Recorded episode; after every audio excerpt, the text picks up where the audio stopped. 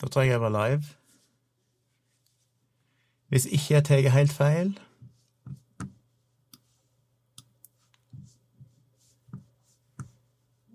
Skal vi se her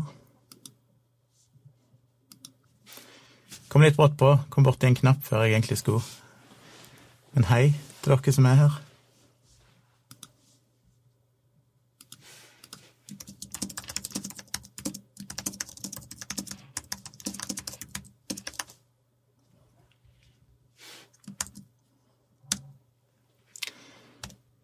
Velkommen på en eh, lørdagskveld. Klokka er ca. 11 på kvelden lørdag 5. november. Desember, faktisk. Og i dag har vi pynta treet, for min datter er her. Jeg eh, brukte mest tid på å dokumentere, filme, video. Kanskje Tone vil bruke det som b-roll i en eller annen video hun lager en eller annen gang.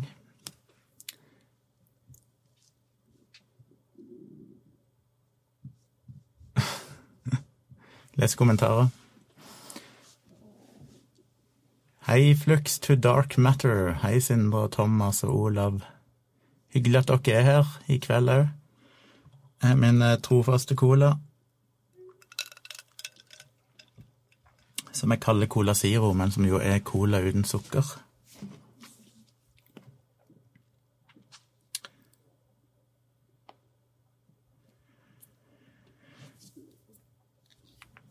I dag har jeg hatt en liten eh, åpenbaring. jeg uh, Som dere alle som er, hvis dere er på Facebook, så vet dere i Messenger så er det jo meldinger du får fra venner og bekjente. Men så kan du òg få meldinger fra folk som uh, ikke er venner med deg. Og det har jeg jo visst i alle år. Og de havner jo i en sånn filtrerte meldinger som jeg alltid passer på å sjekke inn i og ned, pluss at nå pleier det ofte å dukke opp et sånn lite rødt ikon med et tall i hvis det har kommet en melding, som jeg kan da Det er litt kronglete å finne nå, men du må klikke deg inn via diverse greier, så kommer du inn i meldingsboksen der det sånn her uønska meldinger ligger. Og der eh, har jeg fulgt med, men så plutselig så jeg på mobilversjonen av Messenger at øverst så sto det ja, for jeg må klikke på profilikonet mitt oppe til venstre, og så må jeg klikke på meldingsforespørsler. Og så kommer det opp eh, meldingsforespørslene, der ligger det jo mye rart. Og så er det en tittel som heter Du kjenner kanskje. Men så oppdager jeg plutselig at til høyre for den så står det spam. Så tenkte jeg la meg sjekke ut spam. Og der var det jo plutselig en shitload med meldinger. Og jeg tror noen av de kanskje muligens er leie filtrerte meldinger før, og så er de splitta opp i to forskjellige avdelinger. Jeg vet ikke, men der fant jeg iallfall mye meldinger nå som var uleste, så jeg måtte ta en kikk i Sindre skriver. Gikk bare ni måneder. Jeg hadde fått en melding fra Sindre òg, som er i chatten her, og eh, ja, fikk svart på den. Og det er litt uh, pinlig, for jeg liker jo å ha kontroll på sånt. Men jeg begynte nok å gå gjennom, og det var mye rart der. Den dummeste meldingen jeg ikke har sett, var vel kanskje en melding fra en journalist i SVT, altså svensk TV, som ville ha kontakt med meg tidlig i pandemiperioden, tilbake i mars-april en gang. For jeg var jo i Sverige og holdt foredrag om vaksine, vaksiner, eller jeg var der to ganger. Og sist jeg var der, så ble jeg intervjua av SVT og sånn, så det var et lite TV-innslag på svensk TV, og de skrev om meg i avisen der og sånn. Og da var de, på grunn av, sikkert av pandemien, som nå hadde prøvd å kontakte meg igjen og lurte på om jeg fortsatt var engasjert i vaksiner og sånn. Og det er jo litt kjipt å gå glipp av. Det er alltid gøy å bli intervjua av uh, utenlandske journalister. Så jeg uh, svarte henne iallfall og bare sa beklager, jeg har ikke sett denne meldingen før nå, men jeg uh, skriver jo fortsatt om vaksiner, hvis det er relevant, så får hun ta kontakt. Så får vi se om jeg hører noe igjen ifra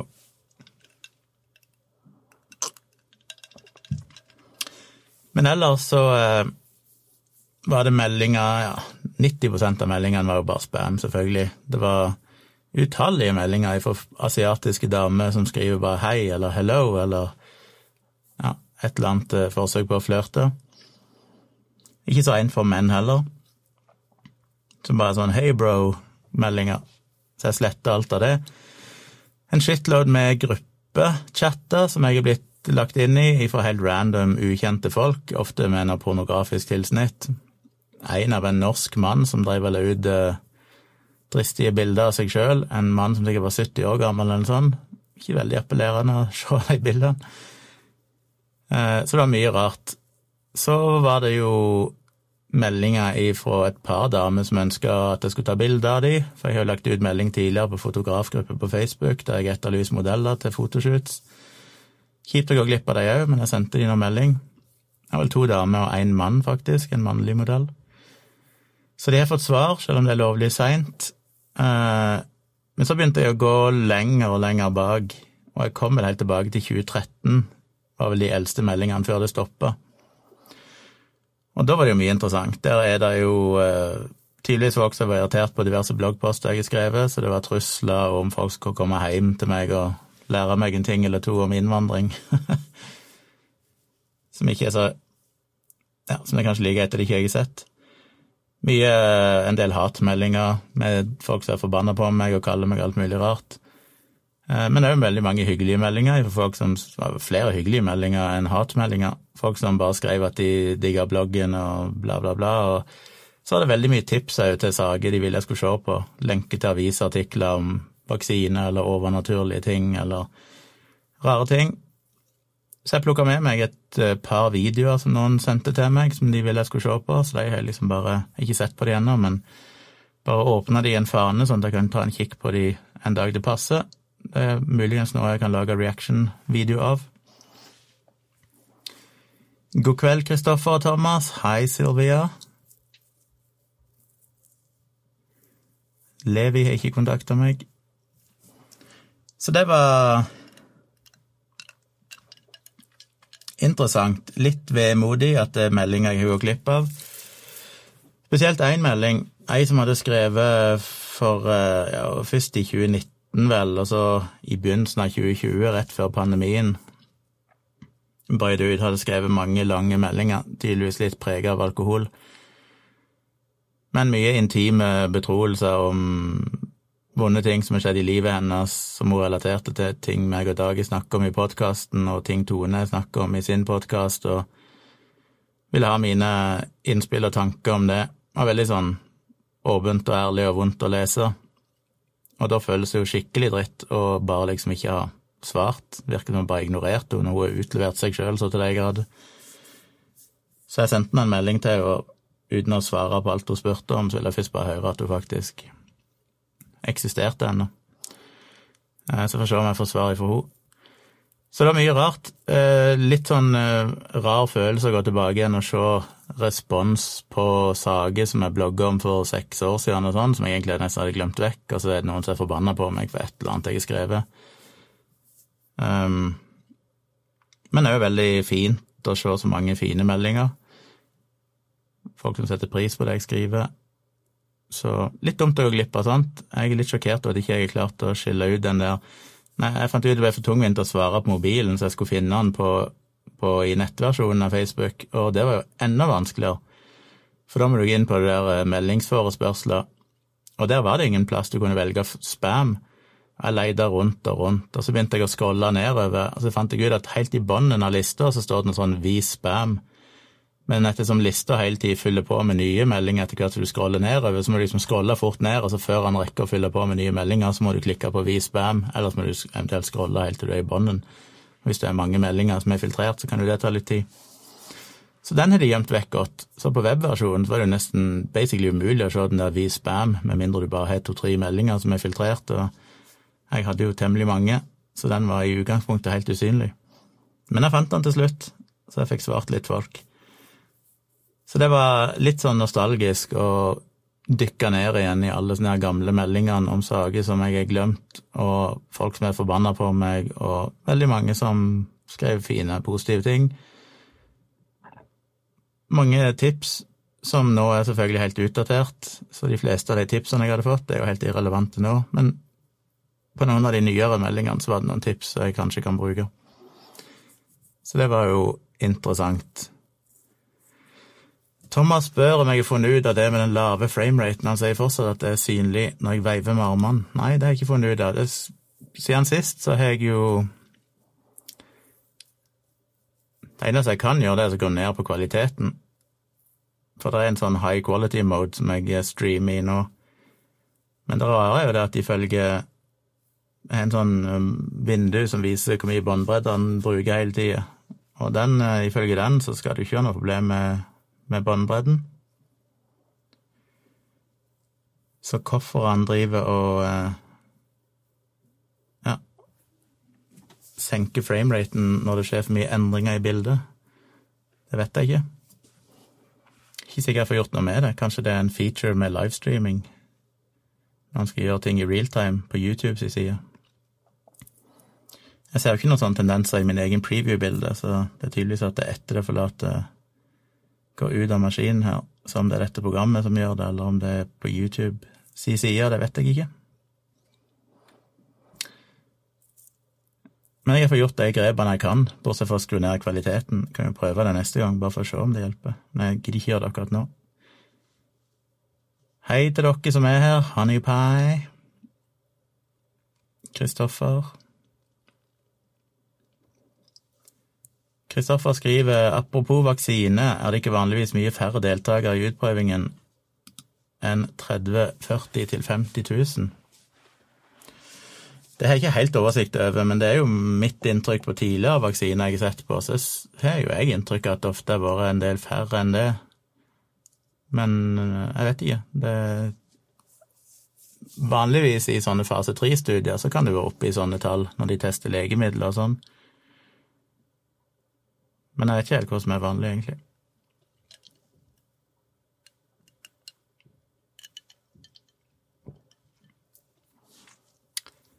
Flux to Dark Matter sier at Levi sier Satan torturerer folk som tar selvmord. Ja, han er jo en hyggelig fyr.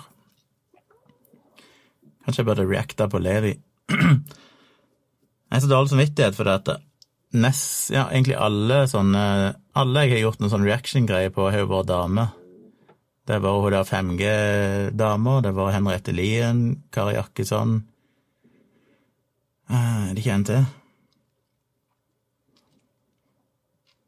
Nei, ville bare tenkte på en til. Men det irriterte meg litt at det bare er damer. Det ser nesten ut som jeg har en eh, vendetta imot kvinner på internett, og det syns jeg ikke er så kult. Men det er jo bare tilfeldig. Jeg har ikke sett noen menn som har lagd videoer som passer liksom midt i akkurat det jeg har lyst til å si noe om.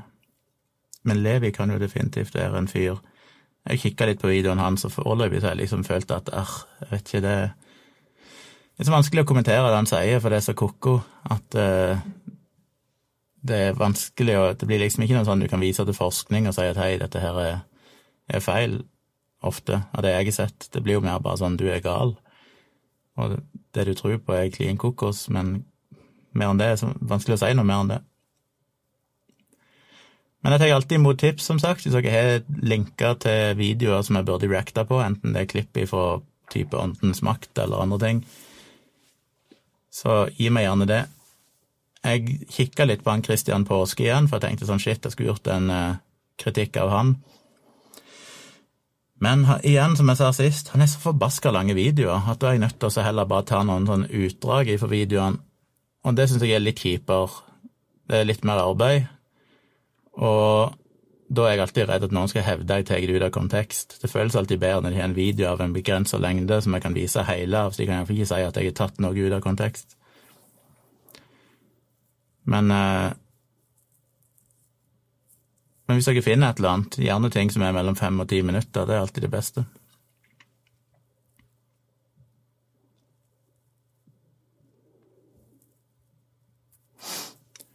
Flux sier at elever òg snakker om vaksine, ja.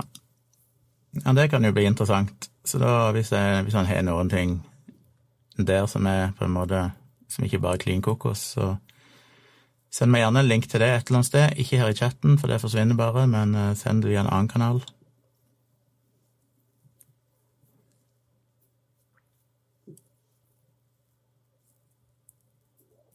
Ja, Sølje Bergman var det Christer minner meg på. Det var den siste dama, ja.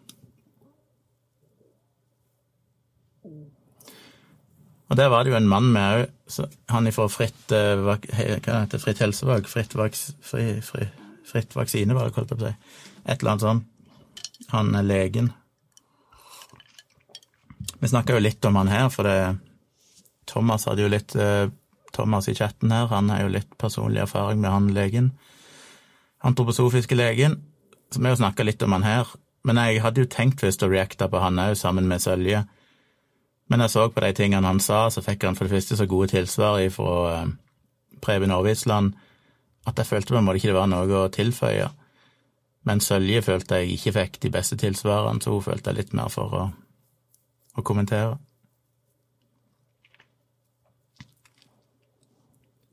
Espen skriver går du inn på sidene til Kjærlighetspartiet, så har du flust med videoer å reagere på. Aha. Kjærlighetspartiet. Må sjekke det ut på Facebooken her med en gang.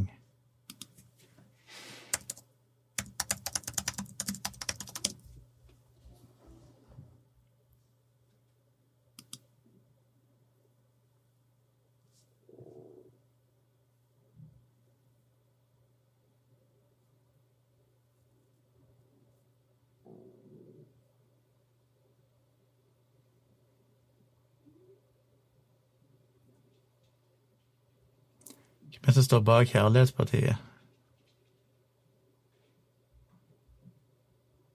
Tenkte jeg først på det partiet til hun Hege Grostad, men eh, det var ikke Kjærlighetspartiet, det, var det? Nei, det var Blomsterpartiet eller noe sånt. Kjærlighetspartiet arbeider for et rettferdig og verdig samfunn der alle grunnleggende behov i naturen og mennesket er lovfestede rettigheter for alle. Det var passe diffust. Ja, jeg får ta en kikk på det seinere en gang. Kjærlighetspartiet.no. Å ja, de skal ha direkte demokrati, selvfølgelig, ja.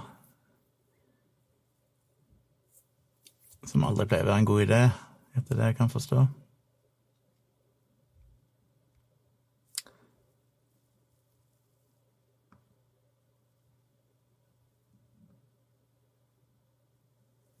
Hva vi står for, et ekte demokrati hvor alle har en stemme og kjærlighet for hverandre står i sentrum, alle er likeverdige og frie til å styre sine egne liv samtidig som vi hjelper hverandre på veien. Høres jo flott ut.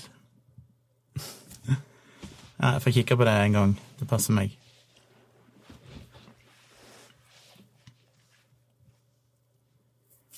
Kjetil Dreyer er med i Kjærlighetspartiet, ja, det er han jo helt sikkert. Han har vel blogga såpass mye om, jeg føler ikke jeg så mye videre å si om han.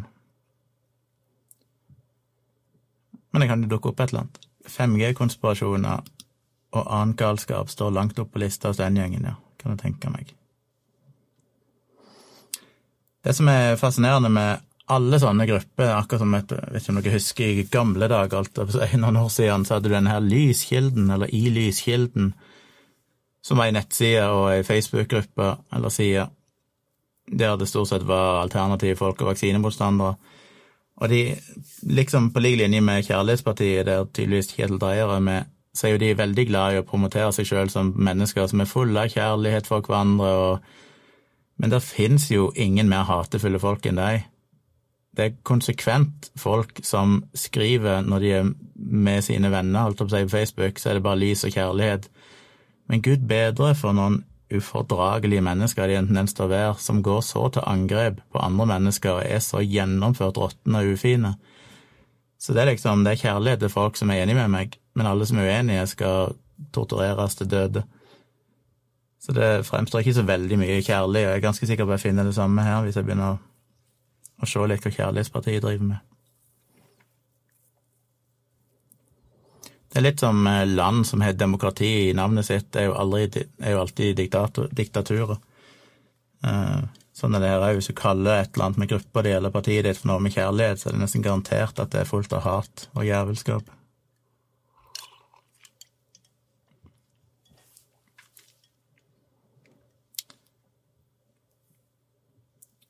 Kristoffer spør hva er dine tanker om Bill Gates' vaksine og mikrochip? Noen har sagt at han vil overvåke menneskeheten. Jeg tror ikke på det, men lett å bli forvirret.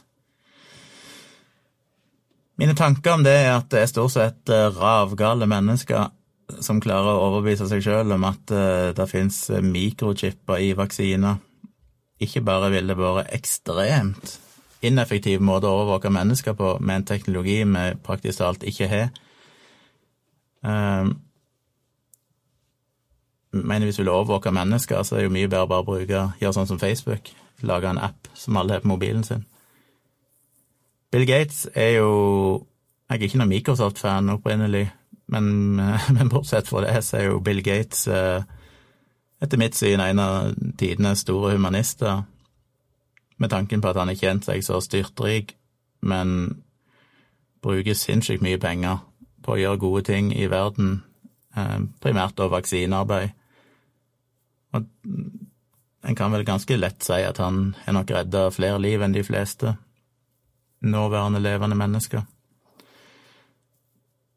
Så jeg syns det er fantastisk det arbeidet han og kona Melinda, Bill og Melinda Gates, driver med, der de virkelig bruker pengene sine på måter som, som tjener verden på en god måte. Spesielt den tredje verden og folk som har det betydelig vanskeligere enn oss. Når det gjelder å overvåke menneskeheten, så som jeg sa, det er det jo nok av folk som gjør allerede via apper, alt over seg, og andre ting. Eh, for ikke snakke om eh, amerikanske overvåkingsmyndigheter som har overvåka iallfall amerikanere og store deler av verden i ganske lang tid på helt andre måter.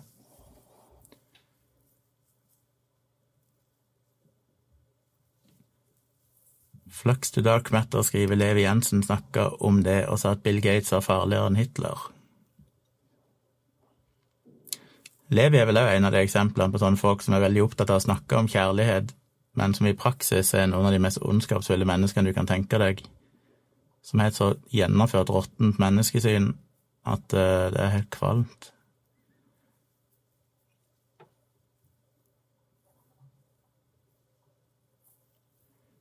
Maria Maria skriver hei, veldig fint juletre, spesielt stjernen. Jeg har ut en liten story om juletreet på Instagram-kontoen min, hvis noen skulle ha lyst til å se det. Det er Tone sin ære, det er et uh, falskt juletre, men det er et uh, veldig realistisk falskt juletre, det er ikke noe sånn billig skvip. Uh, og pynten er jo helt overdådig, men det er jo ting som Tone har samla på over mange år, med forseggjorte kuler og andre ting, hodeskaller og greier, og så er det vel en svær sånn øyenstikker av sølv, holdt jeg på å si, som er julestjerne. Veldig kult. Veldig fint.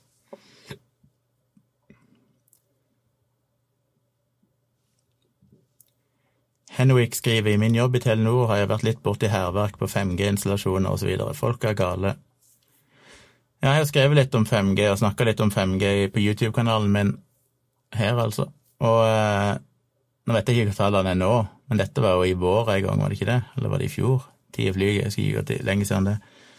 Men på det tidspunktet så var det jo registrert mer enn 100 angrep på 5G-installasjoner, der folk satte satt fyr på de og rasert de og alt mulig rart. Ikke bare det, men de går jo òg kommer med å angripe sånne teleinstallatører som driver og jobber med disse her greiene står og kommer med trusler til deg. Det er helt bare eksempler på at de har gått til fysisk vold òg. Og Det er derfor jeg syns det er litt tragisk når folk mener at eh, når folk ikke skjønner hvor alvorlig det er å drive og spre sånn 5G-konspirasjoner, for det er jo folk der ute, nok av de, som er crazy nok til å gå fysisk til angrep på folk som selvfølgelig er helt uskyldige. Men de er såpass ko-ko at det går utover mennesker.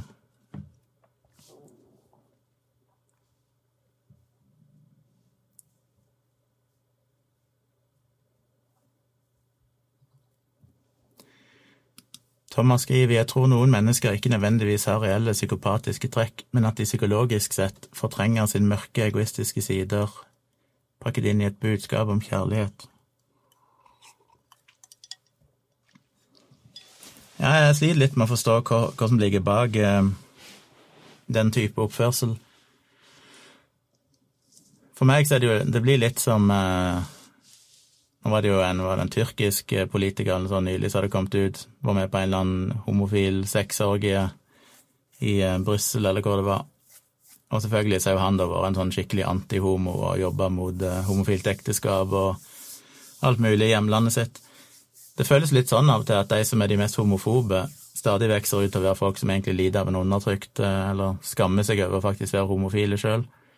Eller har homofile lyster, iallfall, eller iallfall har lyst til å ha sex med menn. Og det er litt sånn med de her folkene òg. Det er akkurat som de er fundamentalt ufyselige mennesker, men de må på en måte lure seg sjøl. Jeg fikk jo akkurat de samme vibbene. Jeg leste utdrag fra chatten mellom eh, disse folkene i Human Rights Service og Frp-politikere sånn i den der Bertheussen-saken. Jeg så hva dere drev og chatta, så var det igjen bare sånn lys og varme og kjærlighet og hjerte og Men i utgangspunktet så er det folk som er temmelig ufordragelige, og ikke har spesielt mye kjærlighet for andre mennesker som på en måte er utenfor deres gruppe. Men de er veldig opptatt av å vise sånn ekstremt kvalmende, falsk kjærlighet til alle som de ikke har noen ting å frykte ifra. Fordi jeg tror de har et behov for å overbevise seg sjøl og andre om at de er usedvanlig bra mennesker. Og ja, det er kanskje fordi de egentlig vet hvordan, hvordan de egentlig er. Litt som folk med undertrykte homofile lyster som er homofobe utad.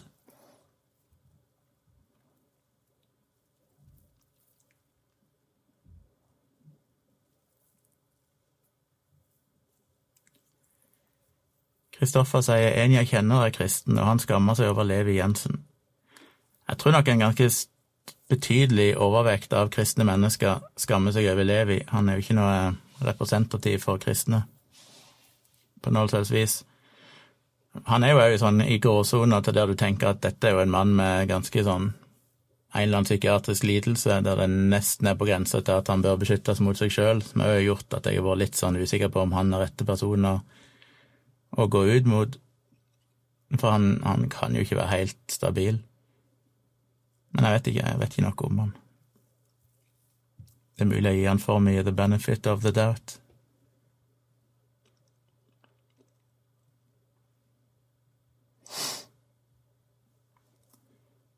Sindre sier er noen Kajak-fans som linker til en video med Tom Wood som mener restriksjonene er en kjempefiasko. Han kunne du jo sett på om du har lyst til å ekspandere internasjonalt. Ja, det er alltid vanskelig å finne sånne ting. Um, eller vanskelig å finne det, men det sparer meg for mye arbeid hvis dere bare sender det til meg, gjerne inne på discorden, dere som er på discord, spesielt mine patrons, da. Der har jeg jo noen egne kanaler der folk kan sende tips. En egen kanal for YouTube-kanalen her, for eksempel. Så Sindre, oppfordringen til deg, hvis du klarer å finne den linken, så post den gjerne inne på discorden, så skal jeg ta en kikk på det. It's Ashlad skriver hvis du har energi til det, snakk gjerne om hypnotisering. Ja, Det var vi så vidt inne på i en tidligere livestream, men jeg sa vel der at jeg vet ikke, rett og slett. Jeg kan ikke noe om det. Jeg vet ikke hvor reelt det er.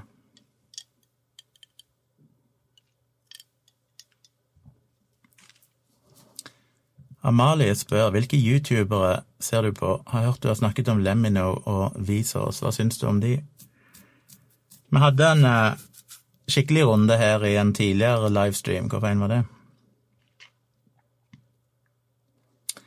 I episode 135, som kom ut 25. november, så starter vi vel litt andre ting, men siste halvdel eller sånn av den, det var bare YouTube-anbefalinger, både for andre i chatten her og meg sjøl. Så hvis du er nysgjerrig på hvilke YouTuber jeg ser på, ta gjerne en kikk på den videoen, nummer 135 altså, Atomprat, som ligger på YouTube her.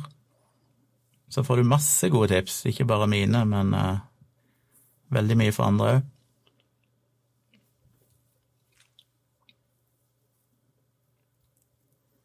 Henoik skriver jeg har snakka med Men jeg kan jo svare deg først eh, angående Lemino og Visos. Lemony digger jo vanvittig, syns han er dritkul.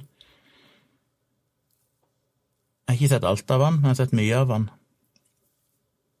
Eh, Visos syns jeg òg er veldig, veldig kul. Men eh, de lager jo så mye innhold og har holdt på så lenge at det er vanskelig å få med seg alt.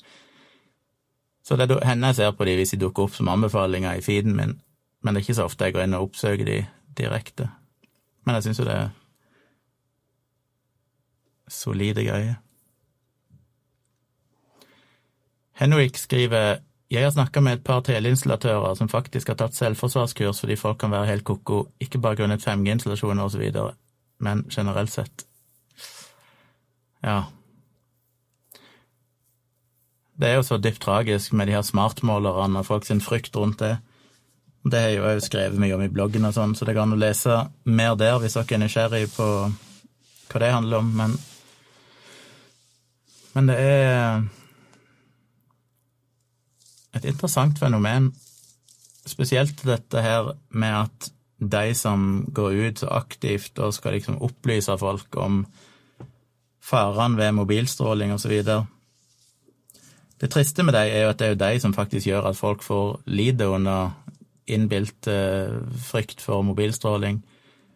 For vi vet jo veldig godt at det er jo ikke folk som har disse erfaringene. Altså, erfaringene har de, men de stammer ikke fra mobilstrålinga. Det finnes det ingen teoretisk grunn til at det skulle gjøre. Det er helt meningsløst. Og hver gang det blir forska på, det er vel gjennomført mer enn 40 blindstudier på dette her, og med en gang folk blir blinde, så klarer de ikke lenger å, å merke om mobilstrålingen er på eller ikke. Eh, men i den samme studien, hvis du da lar de gjøre en testrunde der de får vite om denne stråledingsen er på, så merker de symptomene. Så de sier da at jo, det der oppsettet virker, jeg kjenner når denne er på. Men med en gang de blir blinde og ikke lenger får vite når maskinen er på og når den ikke er på, så er det jo bare helt hipp som happ hva de føler symptomer. Så dette vet vi med relativt stor grad av sikkerhet, at ingen som reagerer på mobilstråling. Men vi vet òg veldig mye om psykologien i det, dette med nocebo-effekt og hvordan frykten for ting Jeg skriver jo mye om det i placebo-defekten med ganske alvorlige eksempler der folk blir lamme og blinde og alt mulig rart gjennom en ren frykt. En historie jeg skriver om der, med en som nesten holdt på å krepere. For han trodde han hadde tatt pille, overdose på pille. Han ville ta livet sitt, for han var med i en studie. Så viser det seg at han var i placebogruppa, så de pillene han hadde tatt, var jo bare placebopiller. Men han, eh, der fikk han så lågt blodtrykk og fikk så mye Var liksom døden nær. Så han havna på sykehuset helt til han fant ut at det var placebopiller, og så ble han frisk igjen. Så frykten for eh, skade kan gjøre enorm, gi mye negative symptomer. Og derfor er det så tragisk at de her folkene som driver og hamrer på med hvor farlig denne strålingen er, det er ikke noen tvil om at de gjør at folk føler seg dårligere. Så hadde det bare vært det at de sa teite ting som var feil, så var det én ting, men dette er folk som faktisk gjør folk syke gjennom sitt budskap, der de tror de redder folk for å bli syke.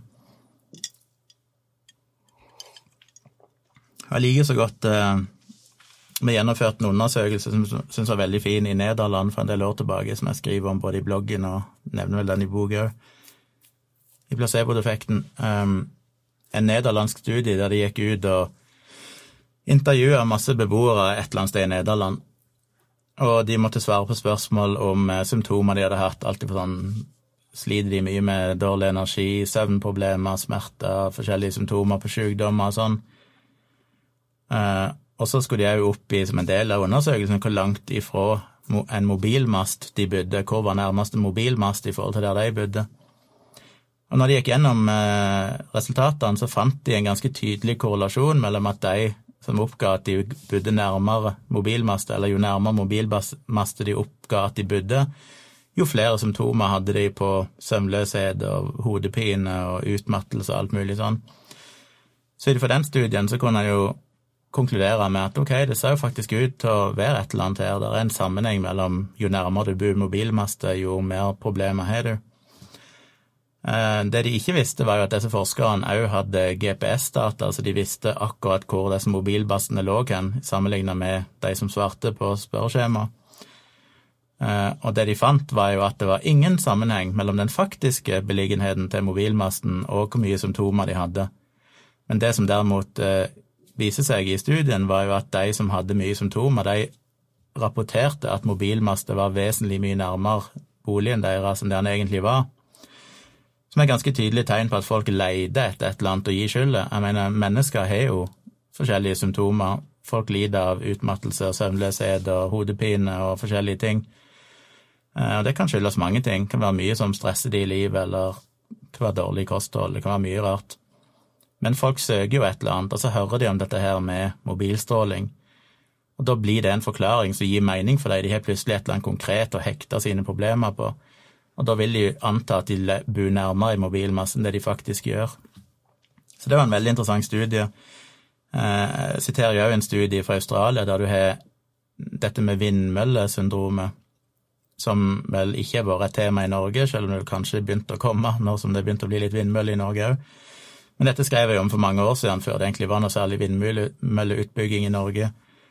Og der òg så en jo det samme, at i områder der de bygde vindmøllefarmer.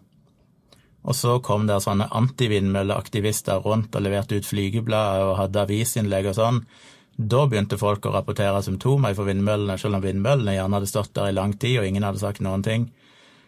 Eh, så det var et eksempel på at på en måte media kan spre sykdom, i den forstand at denne frykten folk fikk gjennom media og avisinnlegg og flygeblader og alt dette her, gjorde at folk enten begynte å oppleve nocebo-effekter, altså at de opplevde symptomer, eller at de iallfall begynte å knytte symptomer de hadde hatt lenge, plutselig til vindmøllene, og følte at det var vindmøllene som gjorde dette, og kanskje det forsterka symptomene òg, for da hadde de plutselig noe konkret å frykte. Det samme så en jo i eh, Trondheim, når det dette her, eh, Trondheim innførte jo dette her trådløse Trondhjem for en del år tilbake, der de skulle dekke hele byen med wifi. Og der òg fant en jo at de skrudde jo på nettet på et tidspunkt ingen visste om det, for de prøvekjørte det først en stund. Men så på et eller annet tidspunkt så kom på en måte den offisielle starten på prosjektet. Og da begynte avisene å skrive om det sånn at nå var trådløse Trondheim åpna. Og da plutselig begynte jo folk å rapportere symptomer og gå til legen og sånn med forskjellige problemer de hadde som de mente skyldtes denne, denne wifi-strålinga. Men det at dette nettet allerede hadde vært på i lang tid i forveien uten at noen visste om det, da var det ingen som rapporterte noen symptomer knytta til det. Så det er ganske tydelig at vi leide etter årsaker. Og derfor så Ja, så det er todelt. Det ene at du kan ha symptomer fra før som du da knytter til mobilstråling når du begynner å frykte det. Men i tillegg så kan frykten i seg sjøl gjøre at symptomene dine blir forverra. Eh, jeg skriver jo en del i bok om hvordan denne fryktresponsen med kortisol og alt dette her kan utløse eh, reelle lidelser, alt ifra utslett til allergier til psoriasis og sånn, kan forverres gjennom sånn stressresponser. Så det er ganske interessant, og derfor mener jeg at de her 5G-aktivistene er folk som faktisk bidrar til å gjøre folk eh, syke, eller iallfall at folk føler seg dårlige. Så jeg skulle ønske de kunne holde kjeft og slutte å plante inn sånn fiktiv frykt hos folk.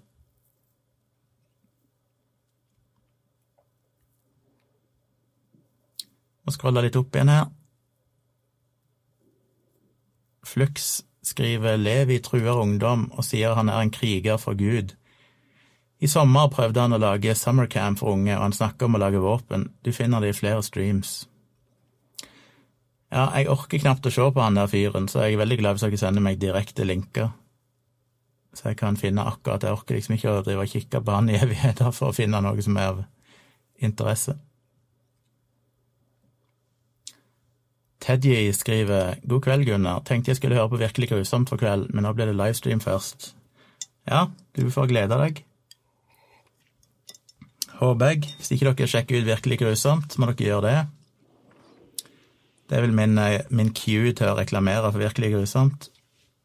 Podkasten som dere finner på Spotify og andre podkast-apper. Der meg og Tone forteller virkelige historier om grusomme hendelser. Det kom to episoder, det kom en ny en på mandag nå, som meg og Tone må spille inn i morgen.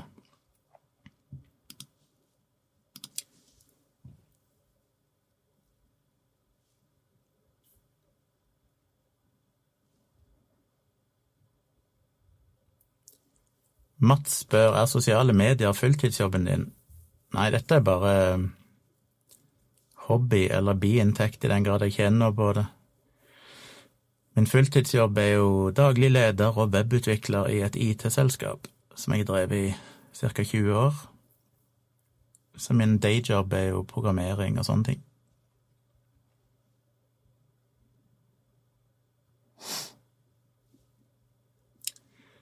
Henrik skriver hjernen er et helt fantastisk organ, nocebo-effekten og confirmation bias er svært viktig å være obs på. Nocebo hjelper det kanskje ikke direkte å være obs på, men skeptisisme er sunt. Ja, jeg mener jo det, og jeg tror nocebo eh, er viktig å være obs på, for det er lett å lure seg sjøl.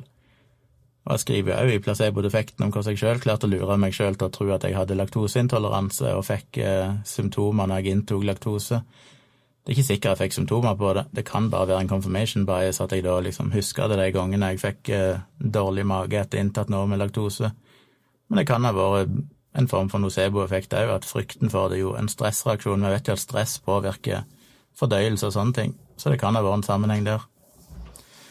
Så jeg syns jo det er viktig å være obs på det, og være klar over at uh, du kan påføre deg sjøl lidelse gjennom frykt, og prøve det å tenke rasjonelt rundt ting, og prøve å være kritisk til sine egne ideer, kan òg beskytte deg mot en del negative effekter.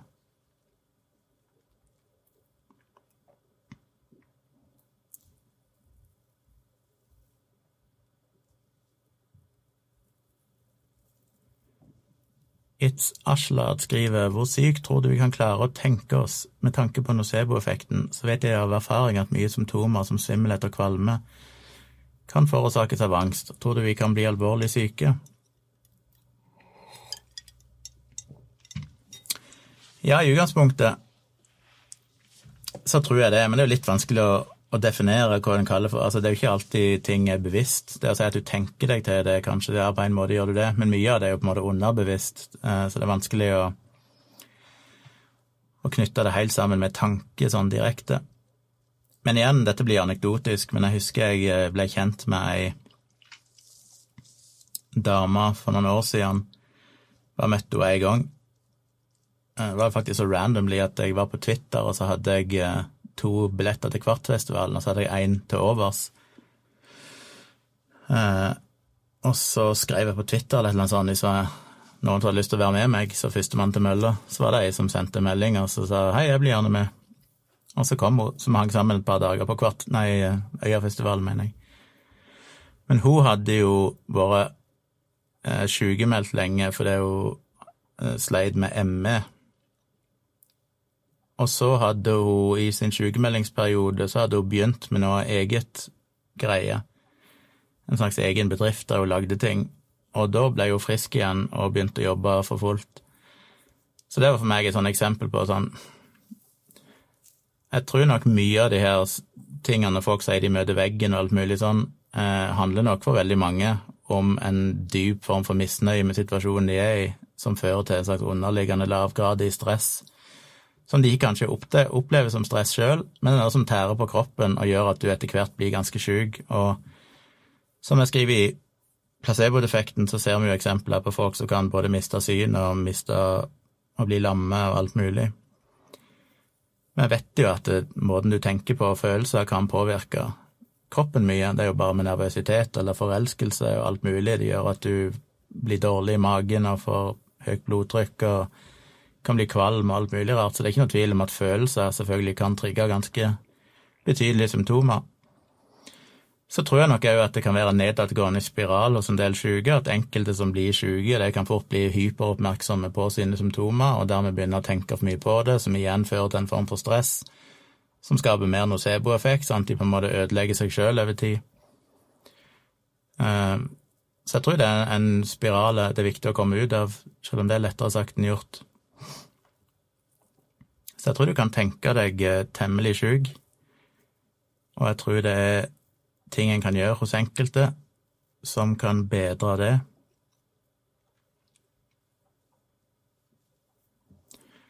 Øyvind spør hva tenker du om klimaangst? Jeg vet ikke så mye om det, men jeg kan forstå at det finnes mennesker som kan ha angst knytta til framtida og klima. Jeg syns jo selv om man kan være litt overfladisk og flåsete til tider, han her eh, Hva han heter han der eh,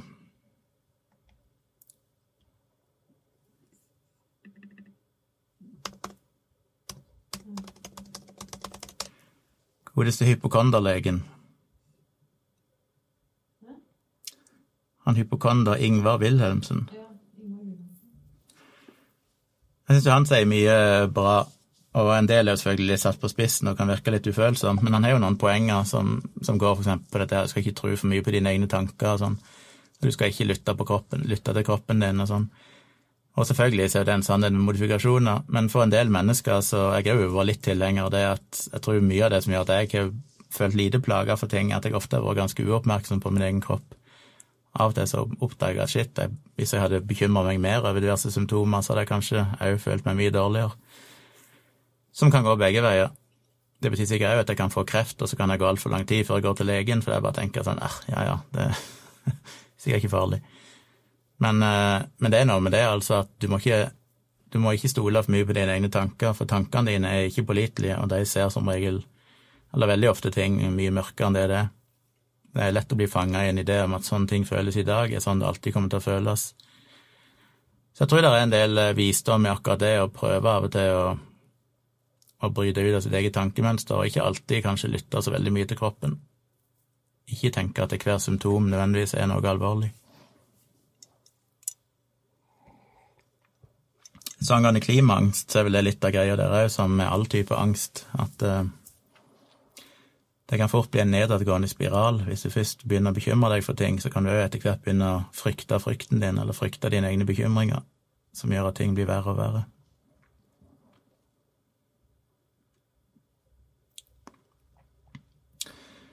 Espen skriver ser at en haug pling-plong-folk viser til en studie av Ronald N. Kostoff et al. Adverse Health Effect of 5G. G. Skal vi google den i full fart?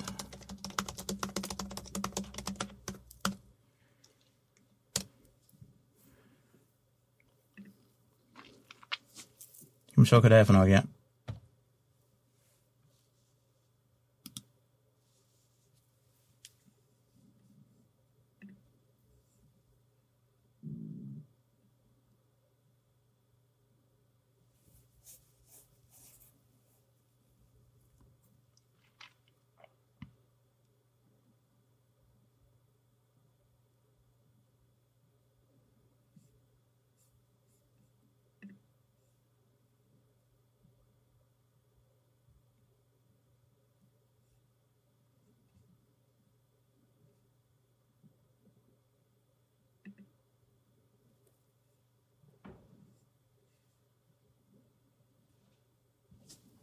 Jeg bare leser litt kjapt her.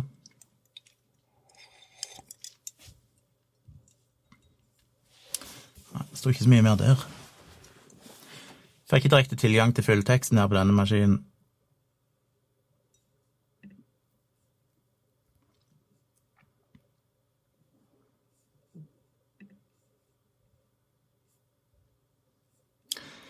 Men jeg vil tippe at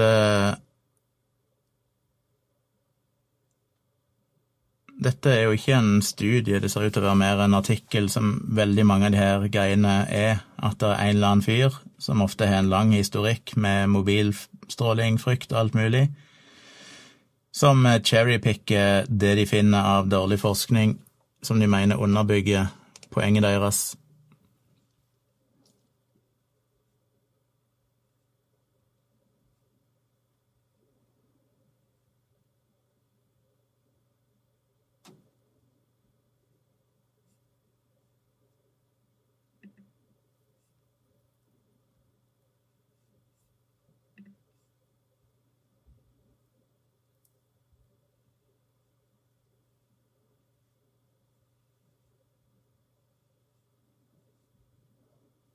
Han ser jo ut til å ha en historikk her med litt av hvert.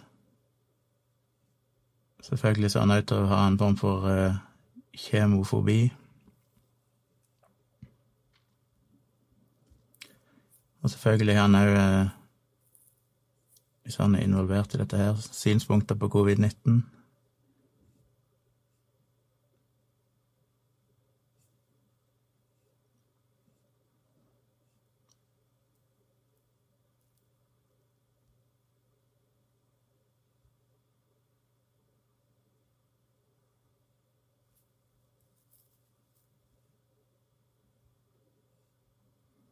Så ha meninger mye.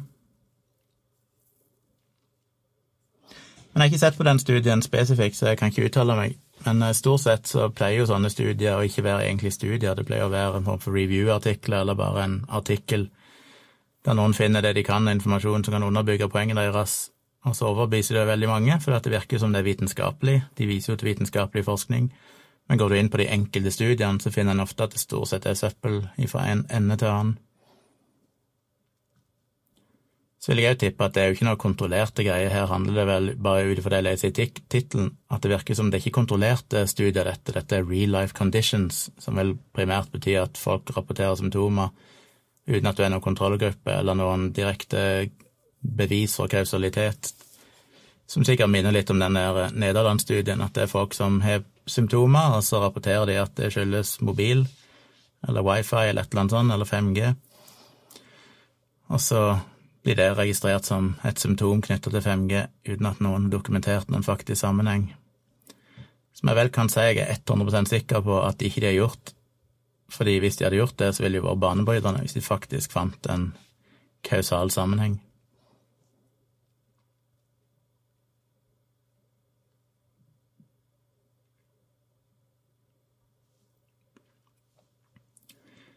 Kristoffer skriver jeg har operert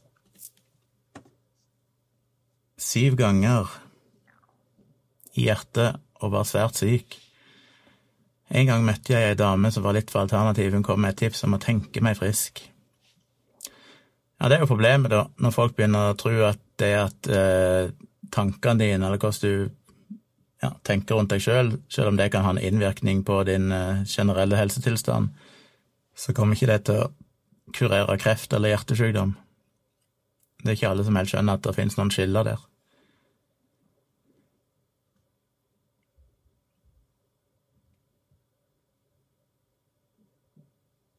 Erik spør om jeg ser på Maskorama. Nei, jeg har vel sett én episode, for det Tone så på det. Men jeg har ikke sett noe mer enn det. Ikke Tone heller.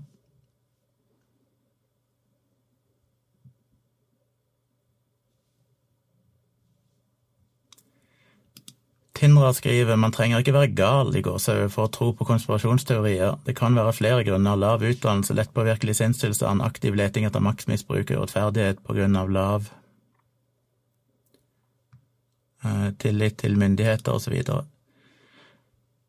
Jeg vet ikke hva du henviser til her. Jeg har aldri kalt noen for gale. Det er selvfølgelig noen konspirasjonsteoretikere som fremstår som gale, og muligens er det i en eller annen eh, betydning. Men generelt sett så er det vel det jeg har skrevet om konspirasjonsteorier, at det stort sett handler om folk som søker kontroll og mening i tilværelsen.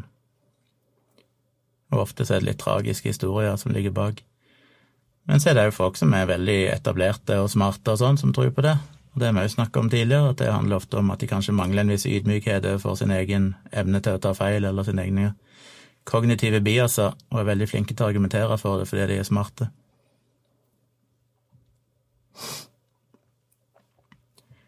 Christer skriver at jeg finner ikke virkelig grusom på Podcast Addict, noen som har funnet den der. Nei, det finnes jo, Folk bruker jo mye forskjellige apper, og etter hvert så pleier jo disse appene å plukke opp podkaster når de dukker opp i iTunes sitt bibliotek, men det kan ta tid. Noen av de er litt avhengig av at noen rapporterer de inn. Av og til så har noen av disse podkastappene egne nettsider der du kan legge inn eh, RSS-feeden til nye podkaster, som de da kan inkludere, hvis ikke de gjør det automatisk. Så det går an å sjekke. Eller så går det an å gå inn på eh, I appen ofte så kan du jo søke opp podkaster Eller du kan adde podkaster for å legge inn RSS-feeden direkte. Så hvis du går til Bare dobbeltsjekke her.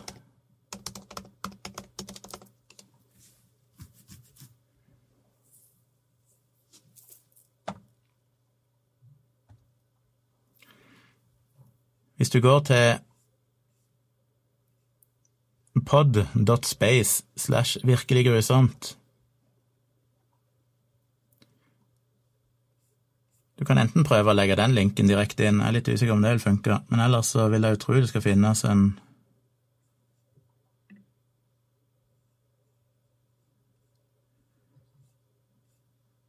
Nei, du kan prøve å legge inn den linken direkte. Jeg er litt usikker om eh, den plukker opp RSS-feeden automatisk.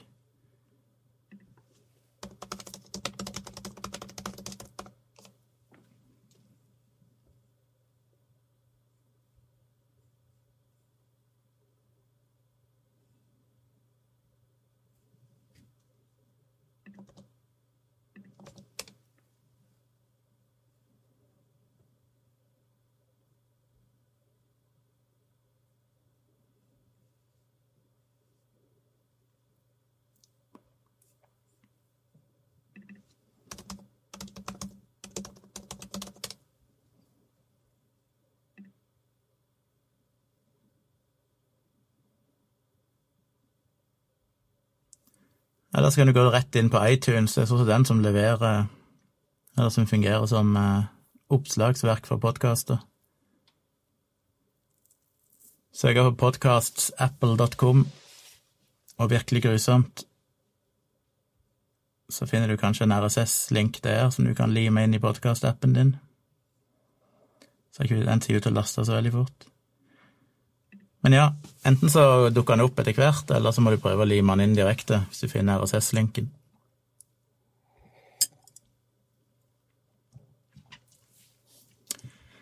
Honeypa skriver hørte første episoden av Virkelig grusomt, virker lovende. Takk for det.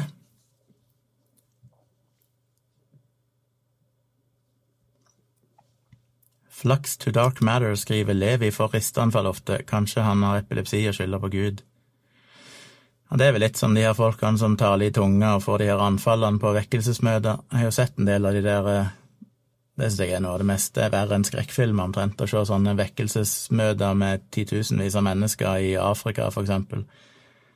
Der amerikanske predikanter reiser til afrikanske land og holder sånne gigantiske møter, og folk går helt bananas. Samme skjer selvfølgelig i USA og Europa òg. Men det er jo vanlig, en vanlig greie. Jeg syns det er dødsfascinerende å se, og ganske creepy når folk bare går helt bananas og får risteanfall og faller på gulvet og ligger og skjelver og vibrerer. Så lurer jeg alltid på hvor mye av det er skuespill, og hvor mye av det er bare en form for eh, Jeg holdt nesten på å si en nocebo-effekt, men en eller annen form for eh, Det minner meg kanskje litt om, om hypnose og sånn, altså folk som lever seg så inn i det at de mister kontrollen over kroppen sin, som er en sånn tilstand jeg ikke helt klarer å identifisere meg med. Men det er vel en del mennesker som er litt mer er litt lettere for sånt enn det andre er.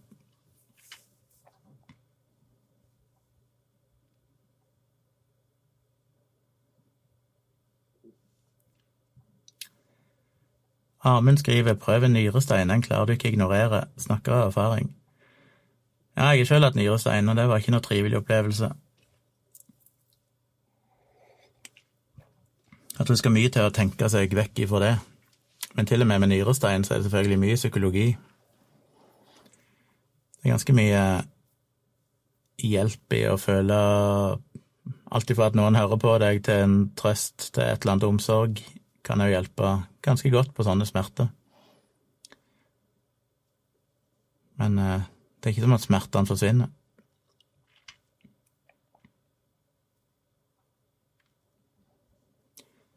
Armund skriver 'hjalp ikke før jeg fikk en sprøyte med morfin i stumpen', da blir alt vel. Ja, jeg har jo blogga om min opplevelse med nyrestein, så dere finner det i bloggen hvis dere blogger nyre, nei, googler nyrestein Tjomli eller noe sånt, men uh, det var jo en, en frustrerende opplevelse, for det at jeg havna jo på legevakten, men der hadde de jo så mye kø at jeg måtte jo stå i jeg vet ikke hvor lenge det var, to-tre timer, og bare vente. Og det er ikke noe gøy når du er nyrestein. Nyrestein blir vel regna som en av de største smertene du kan ha.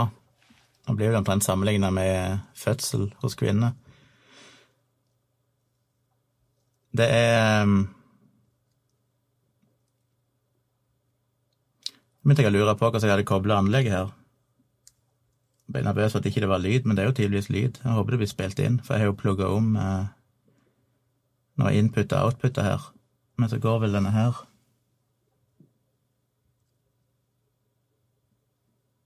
må jeg tenke litt hvordan dette er kobla. Det er tydeligvis lyd inn på datamaskinen, så et eller annet funker jo. Men lyden går inn der, så går det inn i miksebordet. Hvordan i verden kommer det videre? Ja, ja. Får bekymre meg over det etterpå, dere hører mer, for worst case blir ikke en podkastinnspilling. Det er så mystisk. Det er jo en logisk forklaring, men jeg klarer ikke helt å tenke hva den er akkurat nå.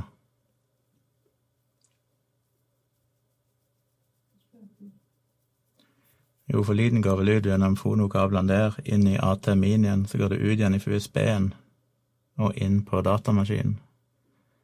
Ja, så det går lyd via en omvei. Hm.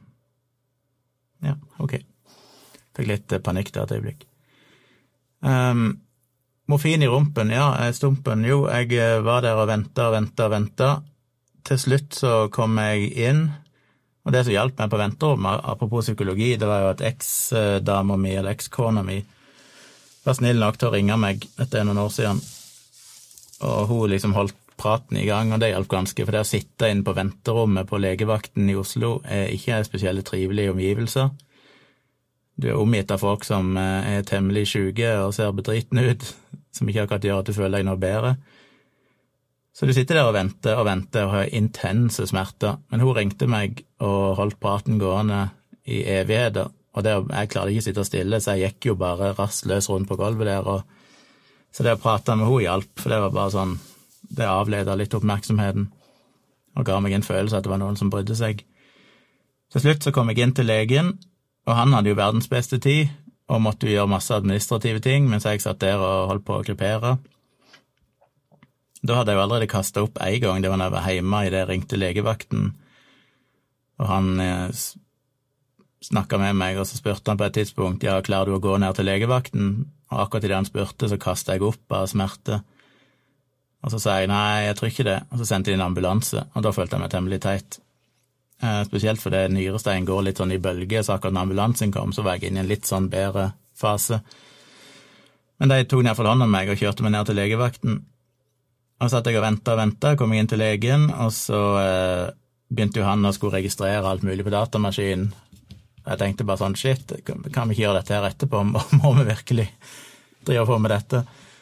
Og det tok evighet, jeg måtte bare sitte og vente mens han satt og skrev ting, og så stilte han meg spørsmål i ny og ne og satt og skrev og skrev. Og når han endelig var ferdig med det, så sendte han meg ut igjen og sa jeg kunne gå inn på et annet venterom og vente. Så satt jeg der, og mens jeg satt der, så var det så vondt at jeg ble dårlig igjen, så jeg reiste meg opp og begynte å gå i, i gangen, visste ikke hva jeg skulle gjøre av meg sjøl, og så kom det en sykepleier gående, og så sa jeg du, jeg må kaste opp, er det en plass jeg kan kaste opp? Og så før hun rakk å svare, så kjente jeg at nå kaster jeg opp. Så så jeg bare et åpent kontor på siden av meg med en vask, så jeg bare sprang inn på kontoret der, og så bare spydde jeg i vasken. Og så gikk jeg inn igjen og satte meg, og så gikk det litt tid til, og så til slutt så kom det ei og sa ja, nå, Tjomli, du kan komme inn. Og så ga hun meg eh, to sprøyter, en som skal være sånn muskelavslappende, og en som er smertestillende. Og da var det to minutter, liksom, så var bom, så var bare smerten vekke.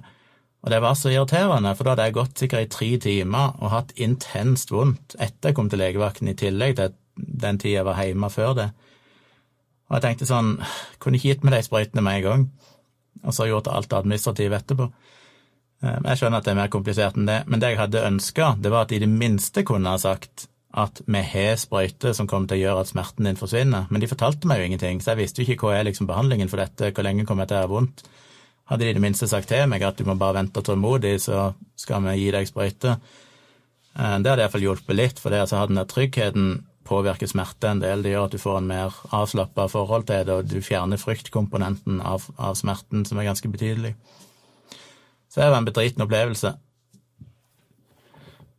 Så fikk jeg med meg noen sånne smertestillende stikkpiller. For det, dette fortsatte jo i ei uke eller noe sånt. Og det kom tilbake igjen hver morgen, nesten på klokka, liksom, sånn halv ni eller et eller annet sånn, så begynte, jeg, begynte det å pulsere her bak i korsryggen igjen, eller på sida her. Så ble det bare mer og mer intenst vondt. Så måtte jeg bare snike meg inn på et toalett hvis jeg var på jobb, og så stikke inn en stikkpille. Og så gikk det fem minutter, og så boom, så var bare smerten vekke. Så de der stikkpillene, de var ren magi. Så gikk det ei ukes tid, eller sånn, og så forsvant det. Men jeg merka aldri noen ting til at jeg tissa ut nyrestein eller noe sånt, så det er mulig han bare gikk i oppløsning, eller Det deprimerende er jo at det er ganske stor sjanse for å få det igjen hvis du først har hatt det en gang, så jeg gruer meg jo til neste gang.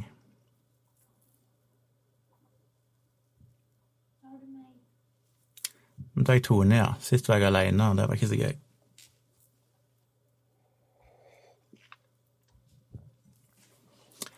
Henrik skriver til dette med konspirasjonsteorier etc. Religiøse samfunn har gjerne en større grad av håpløshetsfølelse i livene sine, mens ureligiøse ikke har behov for å ha en tro på noe større. Ja, det er vel en ganske stor korrelasjon mellom religiøsitet og hvor vanskelig folk har det. Så folk er jo gjerne mer religiøse i områder der det generelt sett er mer fattigdom og mer arbeidsløshet og vanskeligere liv. Da søker jo folk et eller annet som kan gi de trøst og mening. Og det kan jo være religion, og det kan være konspirasjonsteori, eller det kan være begge deler. Ofte er det jo begge deler. Kristoffer sier han hører på dialogisk. Kjempebra. Takk for det, Kristoffer. Alle må høre på Dialogisk. Ny innspilling på mandag klokka seks for de som vil følge med på YouTube.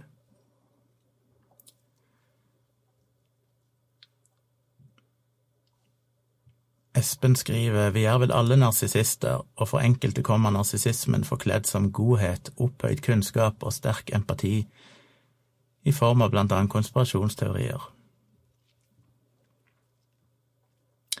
Ja, dette med fokus er jo interessant.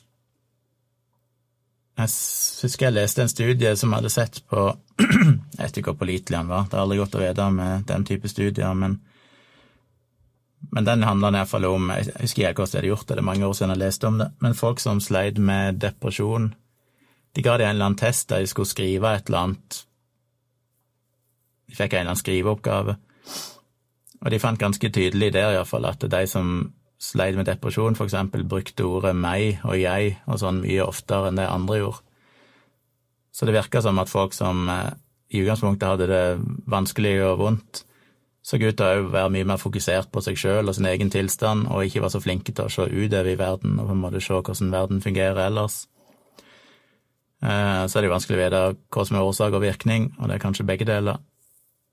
Men eh, det er kanskje litt sånn med konspirasjonsteorier, kons konspirasjonsteoretikere, at eh, som jeg har sagt mange ganger, at det handler jo om å finne en form for mening og og sin egen situasjon blir veldig viktig for dem. De søker Det blir veldig mye selvsentrert tankegang, der alt handler om å finne mening i livet for seg sjøl og finne ut hvordan de kan gjøre livet sitt bedre, og at en kanskje da glemmer å se litt større på ting.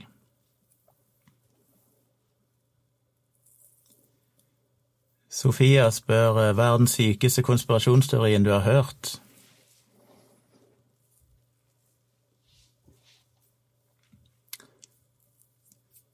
Ja, det er mange, men jeg må jo si at en av de sjukeste er jo egentlig det QAnon-greiene.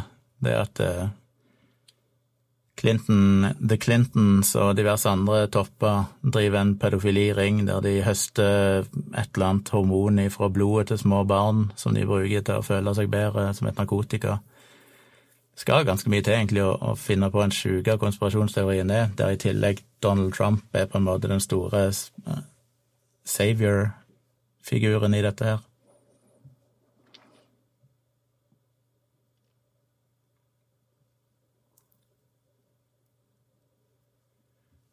Roy spør har du på 5G.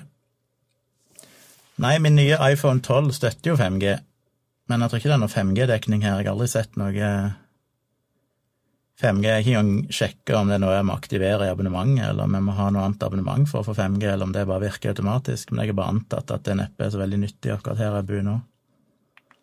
Jeg har egentlig bare glemt det vekk at jeg fikk telefonen. Det må jeg sjekke ut en dag.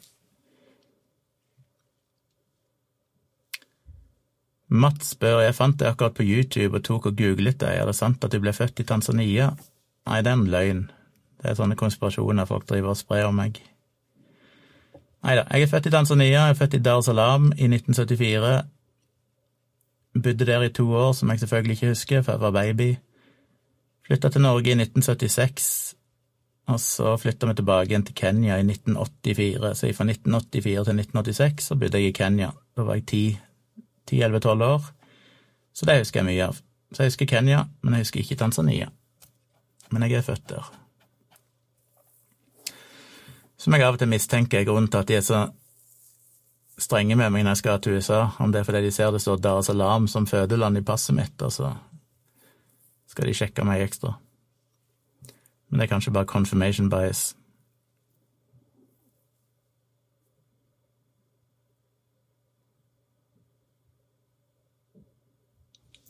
Henrik skriver til dette med smerter og sånn, jeg hadde akutt blindtarmbetennelse, våkna opp og hadde veldig vondt, ble kalt ut på leteaksjon med Røde Kors, og jeg dro på den. På akutten lo de av meg fordi jeg kom gående fra legevakta til akutten, ikke i rullestol som er vanlig. På epikrisa sto det svært høy smerteterskel, så vi er alle forskjellige der. Det høres ut som en dårlig avgjørelse. Hvis det er blindtarmbetennelse, så burde du vel egentlig komme deg til behandling ganske fort. Ikke så veldig gunstig hvis blindtarmen sprekker, men godt det gikk bra.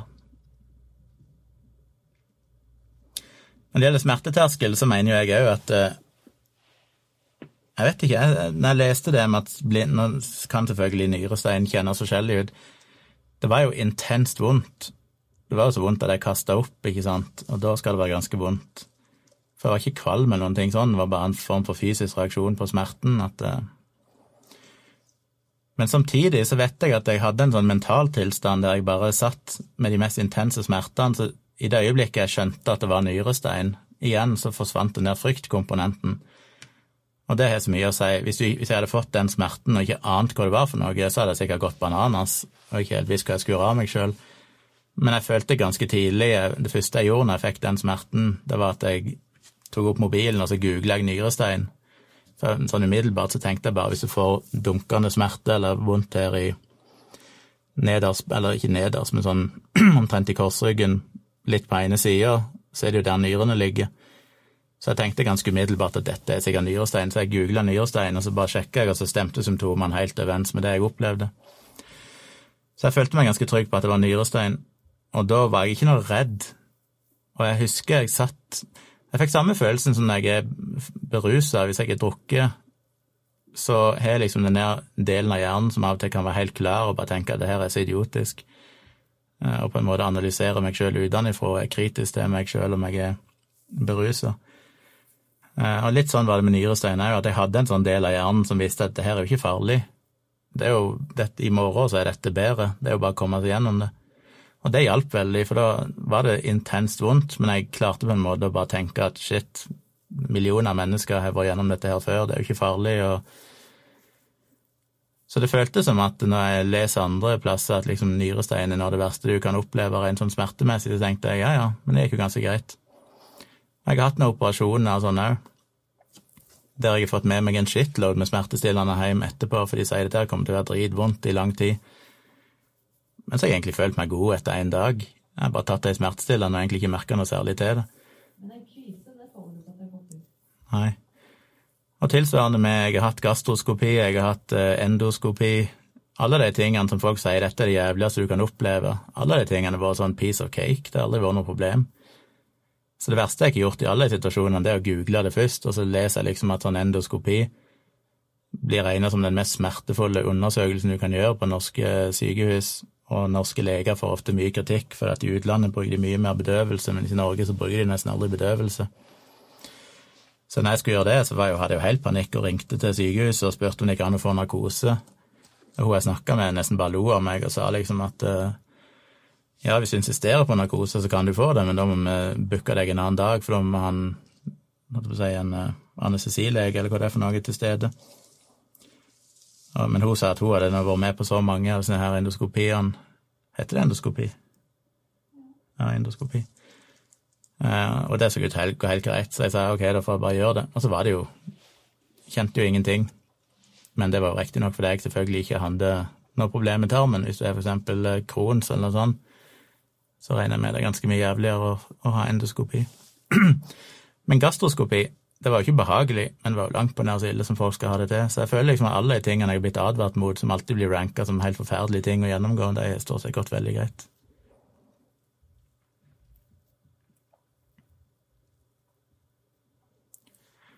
Amund skriver at ai, jeg ble tatt godt imot på legevakten under mine nyresteinanfall, to ganger på akutten på Ullevål. Ja, jeg var ikke så veldig fornøyd det må jeg si, men jeg klandrer ikke legene. Jeg skjønner jo det at for alt jeg vet, så var det tre pasienter som var, holdt på å krepere, så det er klart at jeg ikke er høyest prioritert når jeg er nyrestein. Men når du sitter der med nyrestein, så føles det likevel noe dritt å føle at eh, det går tonnevis av leger rundt forbi gangene der og sitter og skriver på datamaskiner, så vet de at de kan bare gi meg ei sprøyte, og så er problemet mitt løst. Men så er det ingen som gjør det. Men jeg vet iallfall at neste gang jeg får nyrestein, så skal jeg insistere på det umiddelbart og bare si at du, jeg har hatt dette der før, få den der fuckings sprøyta eller en uh, stikkpille. så kan jeg heller vente etterpå. Men jeg trenger ikke lide i to-tre timer mens jeg venter.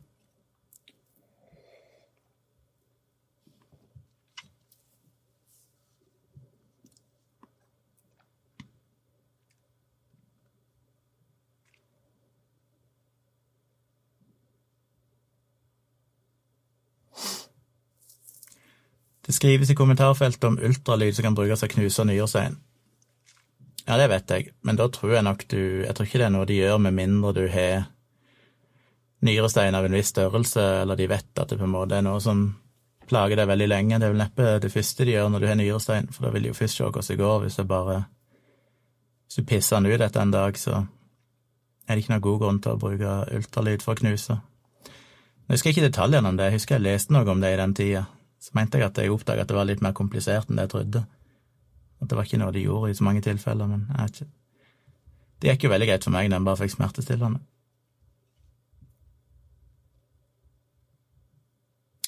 Adrenochrome, sier Sindre. Ja, det er vel det der hormonet som disse QAnon-folkene mener at Clintons driver og ekstraherer for små babyer som de dreper og misbruker seksuelt eller et eller annet. Espen spør hva mener du om dette, avpubliserer Nissen over skog og hei etter kritikk for blackface-karakter. Ja, det, De sakene syns jeg alltid er vanskelige. Nå har ikke jeg sett den episoden det handler om, så jeg vet ikke helt hva det egentlig innebærer, men det er på mange måter litt irrelevant, for at nå handler det jo primært om at det å bruke blackface i seg sjøl i noen som helst sammenheng er problematisk. Og jeg prøver vel å innta den posisjonen når det gjelder sånne ting, så godt jeg kan, at jeg ikke er den rette til å mene noe om det, for at jeg ikke er den personen det rammer.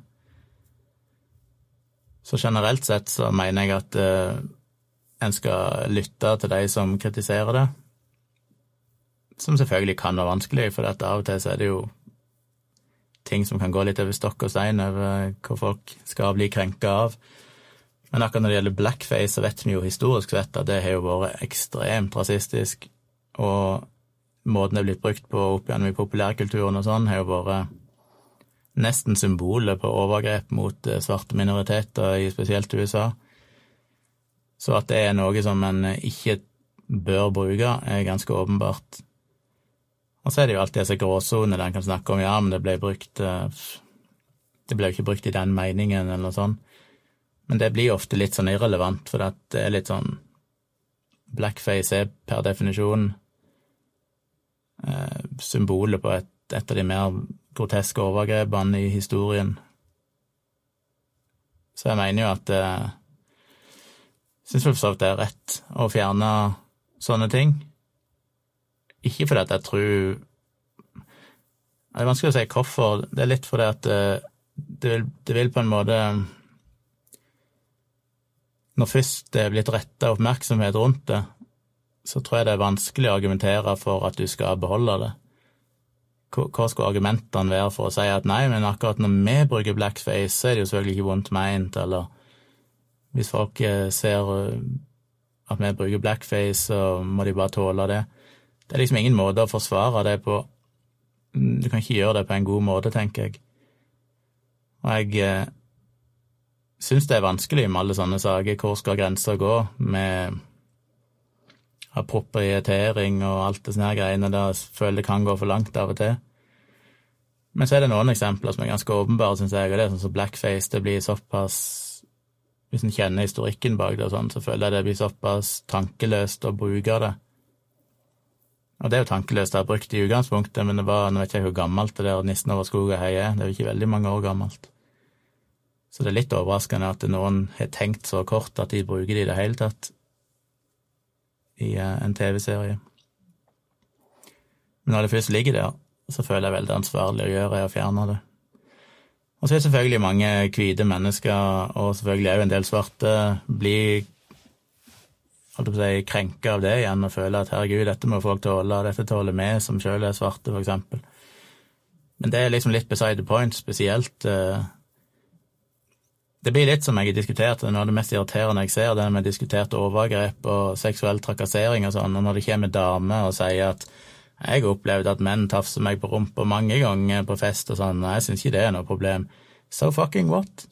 Det er vel ingen som har Det er vel helt irrelevant om det finnes noen som syns det er helt uproblematisk. Poenget er at for en del damer i det tilfellet så er det jo særdeles problematisk.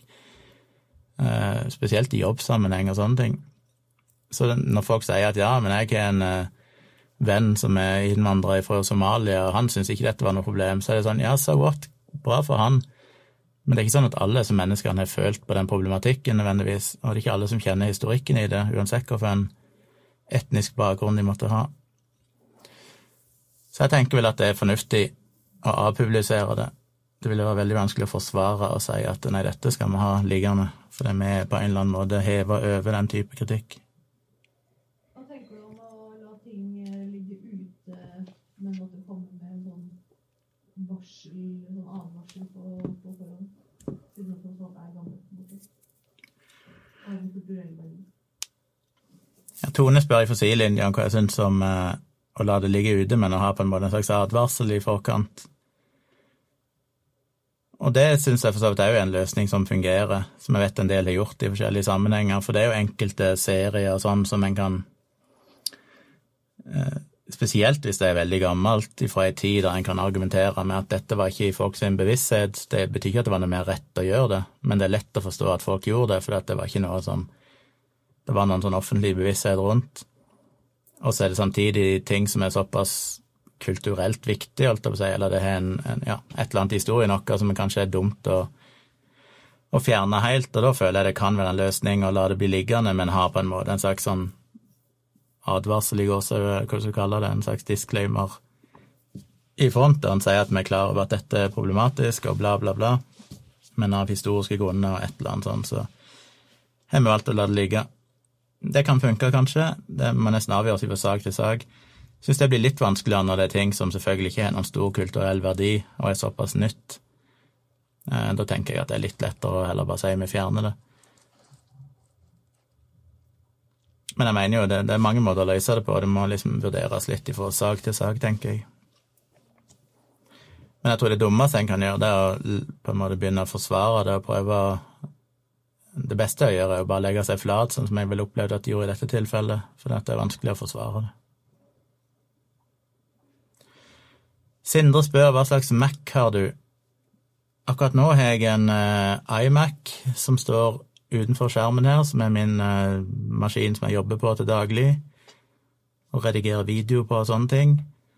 Så har jeg en Mac Mini som står under bordet her, som driver livestreamen min, og den store skjermen som jeg er stående her. Og så har jeg en Macbook eh, Pro 13-tommer. Ikke den nye, med M1-prosessor, men uh, den er vel uh, ett eller to år gammel, med Intel-prosessor. Som jeg bruker til å sjekke ting og sånn, og det er jo den maskinen jeg ikke med meg hvis jeg holder foredrag eller er på kurs eller reiser rundt i verden, så drar jeg med meg denne Macbook Pro-en. Den blir nok erstatta på et eller annet tidspunkt med en M1-basert enten en Macbook Air eller en Macbook Pro. Men jeg er ikke helt der ennå. I koronatidene nå så er det ikke noe stor reisebehov, fall, så jeg tror ikke det haster med å få tak på det. Men jeg har tre Mac-er her inne. Tre forskjellige.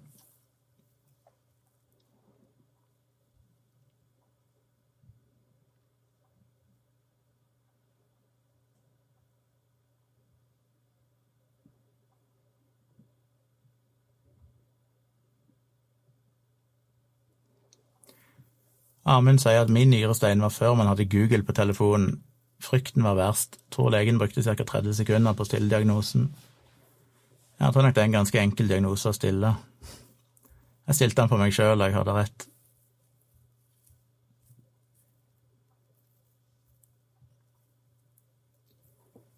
Henrik skriver det verste med gastroskopi er denne sprayen gjør at du skal spraye i munnen din. Den smakte tja, ikke særlig godt, nei. Ja, de sprayer vel inn nå for å bedøve holdt på å si, drøvelen, eller den der svelge-gaggerefleksen, eller et eller annet sånt. Men jeg husker ikke smaken av den. Eh, det er noen år siden.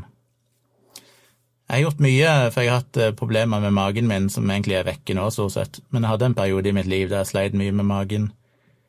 Og da gjorde de mye undersøkelser. Jeg hadde som sagt gastroskopi for å sjekke om det kunne være cøliaki eller noe sånt. Jeg hadde eh, endoskopi, men jeg tror det verste var sånn rektoskopi, der de basically bare stikker inn et sånn greie i anus og bare kikker inn helt ytterst. Det var, Da begynte jeg å blø, og det var smertefullt og jævlig.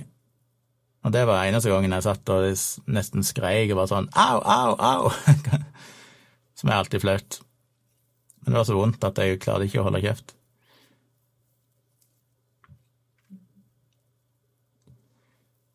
Kristoffer skriver jeg har tatt endoskopi fem ganger. Man blir vant til smertene første gangen, var det litt vondt, men så blir man vant til det. Ja, så lenge jeg som sagt ikke hadde noe tarmproblemer, tykktarmproblemer, så var det ikke vondt, egentlig. Det er mest av alt flaut og ubehagelig å ligge i et rom med anus oppi været og folk som står rundt deg og skal stikke ting oppi der. Og så er det kjipt å måtte faste i 24 timer og alt det der og ta sånn tarmskylling, holdt jeg på si, sånn uh, Hva heter det? Ja, sånn som gjør at du tømmer tarmen. Så du må skvise opp i analen, og så vente, knipe igjen og vente, og så prøve å bæsje det ut, og så fikk jeg aldri det til å funke skikkelig.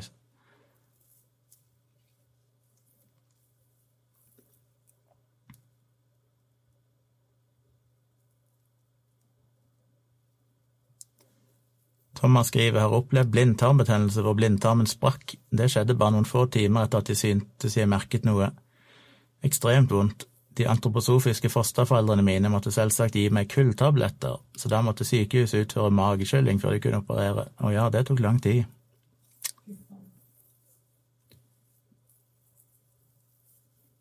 Akkurat de der aspektene syns kommer for lite fram i debatten om alternativ behandling. Det er jo Jeg jo sjøl kjenner folk sjøl som har unger som jeg vil oppleve som barnemishandling fordi de gir dem ikke skikkelig behandling.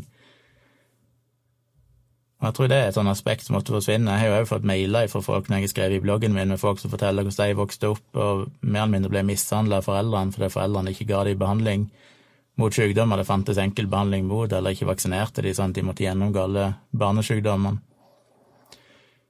Men det er en del sånne overgrep mot barn som foregår gjennom at det er foreldre som er så klokketro på sine alternative eh, Alternative livs, eh, hva heter det, livssyn, og så gjenger du det ved ungene. En snakker jo mye om religiøse overgrep mot barn, som er ett problem, men de der alternative behandlingsforeldrene skulle gjerne vært satt litt mer fokus på det òg, at det faktisk er et overgrep mot unger, det òg.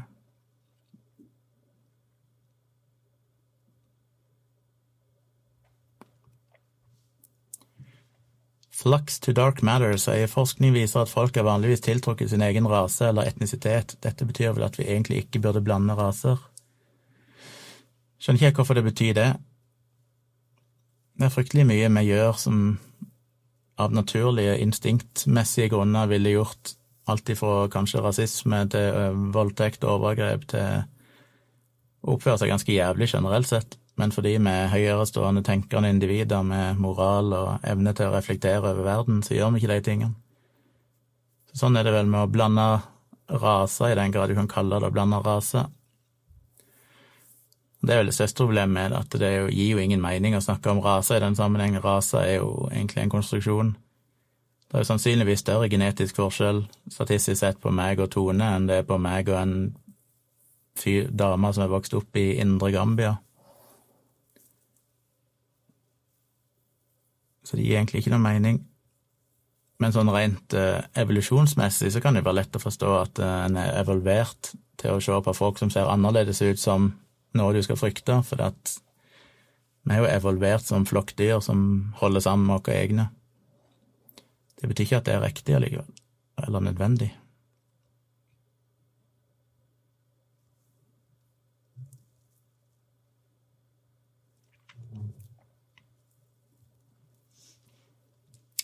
Jono Berne skriver hvor er du på lykkelighetsskalaen én til ti?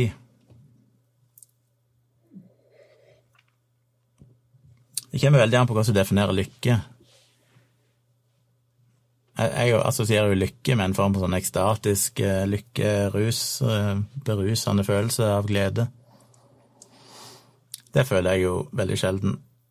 Men hvis det handler mer om sånn hvor tilfreds er du med livet, så er jeg vel på en eh,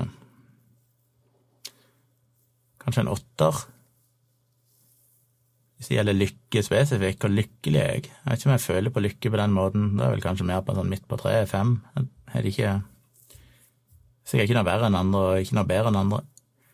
Men rent sånn i tilfredshet, hvor fornøyd jeg er med livet, hvor godt er jeg det akkurat nå, så vil jeg jo si åtte av ti.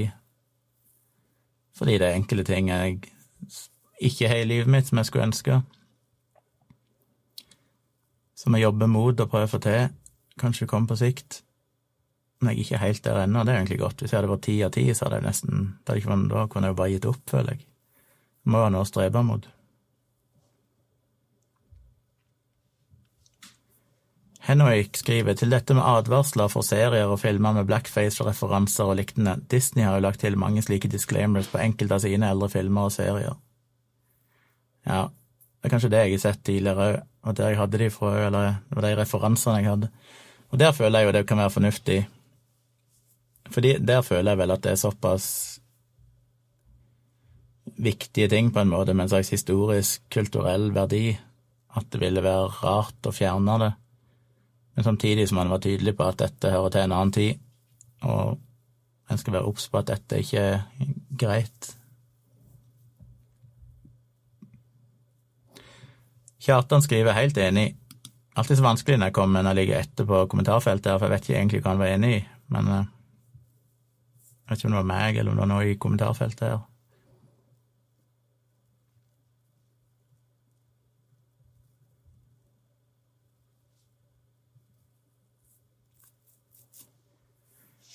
Peder spør hva stemmer du? Jeg eh, har stemt SV, stort sett. Det betyr ikke at jeg kommer til å stemme det neste gang, det vurderer jeg alltid før hvert valg. Må gjøre en liten oppsummering og se hva jeg står hen. Thomas skriver synd med serien Borettslag i dag. Tror ikke noen tenkte at Stoltenberg var rasistisk da han inkluderte en pakistaner sammen med alle de andre rare figurene han spilte. Nei, ja, det er jo det jeg syns er vanskelig med, dem, med de blackface-greiene. Det er jo eh, akkurat i sånne settinger der du har én person som spiller veldig mange forskjellige roller, hvordan skal du på en måte fremstille noen som har en annen hudfarge, uten å ikle deg den hudfargen? Du kan liksom fake hårfarge, og du kan fake alt annet, men akkurat hudfargen skal du ikke kunne røre. Og da er det komplisert, synes jeg, for da, da, er, da gjør du på en måte narr av veldig mange forskjellige typer mennesker. Du har ikke spesielt fokus på én person eller en eh, etnisitet. Og så er det vanskelig å komme seg rundt det. Hvordan skal du Jeg vet ikke, jeg har ikke svaret på det. Jeg syns det er vanskelig. Jeg skjønner at det er problematisk, og samtidig så syns jeg òg det er vanskelig å Absolutt, det er alltid vanskelig, for det finnes så mange gråsoner, så jeg vet ikke helt hvordan en skal håndtere akkurat det.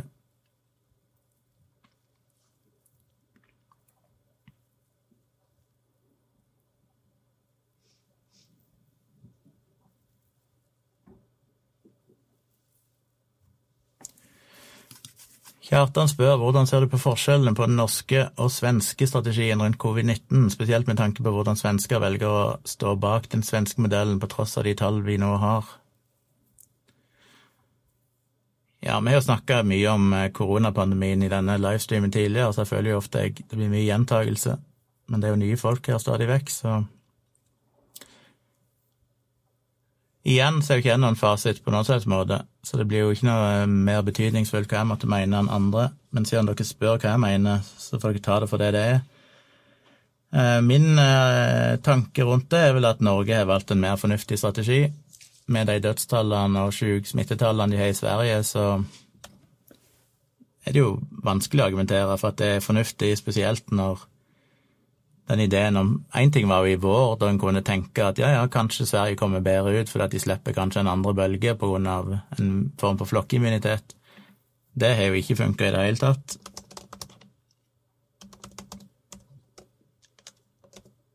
Vi ser se på de siste smittetallene her, som ligger an.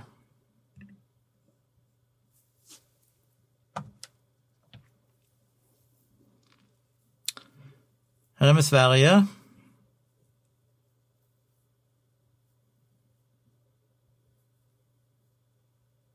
Dette er jo nye tilfeller per dag. Men det er jo klart at vi var klar over at disse grafene er jo veldig påvirka, at det blir testa mange flere og sånn nå enn det ble gjort i mars, eksempel. Så tallene ser kanskje kunstig lave ut tilbake i mars og sånn. Vi ser på dødsfall. Dødsfall er jo objektivt, der er det ikke noe å si hvor mange du måler, alt av seg, så der er jo tallene litt mer representative over tid. Der var jo dødstallene høyere, men det har vært en ganske tydelig bølge, men det ser ut til å ha sunket her nå i det siste igjen. Nå har ikke jeg fulgt med på Sverige om de har innført noe tiltak i det siste, eller om eh, det er andre grunner til det.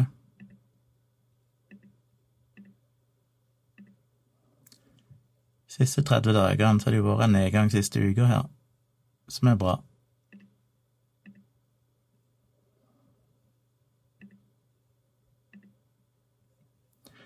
Men ja, de er temmelig høye smittetall. De er jo Hva er det Sverige er vel ca. dobbelt så stor befolkning som Norge.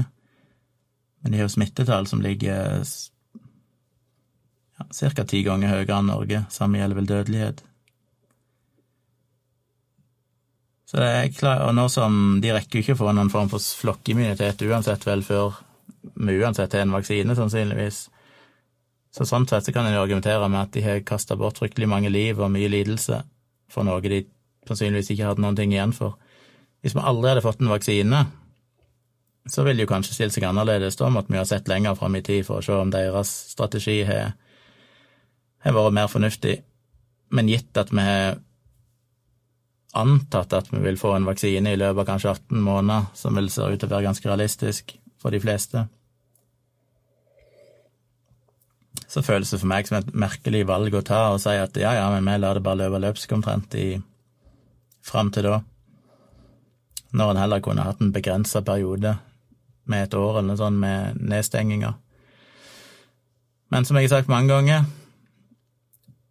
de endelige dataene vet vi jo ikke før det er gått eh, to, tre, fire år, sannsynligvis, da vi virkelig kan se tilbake og se hvordan det her spilte seg ut. Og vi vet jo ennå ikke hvordan det vil gå med vaksine, om, om den vil, eh, ja, hvor tilgjengelig den blir, hvor fort den blir tilgjengelig, og ikke minst hvor god varighet den er. Det kan jo være det ender opp med at vi må vaksinere oss på nytt hvert år framover. Så jeg er jo ikke eh, spesielt fan av den svenske modellen. Jeg var nok litt det i starten. Da tenkte jeg sånn ah, det virker jo egentlig kanskje fornuftig å tenke litt på den måten, og ikke reagere fullt så hysterisk i gåsehudet, men heller tenke at uh, vi kan satse på å skape en viss form for flokkimmunitet. Men en så vel ganske fort at det var en dårlig strategi, for det koster veldig mange liv unødvendig for å få en gevinst som en ikke ser ut til å få, og iallfall ikke som iallfall har mindre verdi hvis en får en vaksine uansett. Det at svensker støtter det, nå vet jeg hvor tallene er på støtten, om de fleste svensker støtter det, eller Det er vel ganske naturlig, det hadde Norge òg gjort. Hvis Norge hadde valgt en annen modell, så hadde vi støtta den, det er jeg ganske sikker på. En har jo en tendens til å ha en form for patriotisme rundt eh, rundt de ideene som landet, eller de strategiene landet gjennomfører. Det minner meg alltid litt om hvalfangst, der jeg føler store deler av verden hater Norge og sånn som driver med hvalfangst, men nordmenn stort sett forsvarer det. Det er litt sånn, hvorfor gjør vi det? Det er nok en form for Det er vanskelig å ta kritikk fra andre land. Vi vil forsvare det vi sjøl gjør.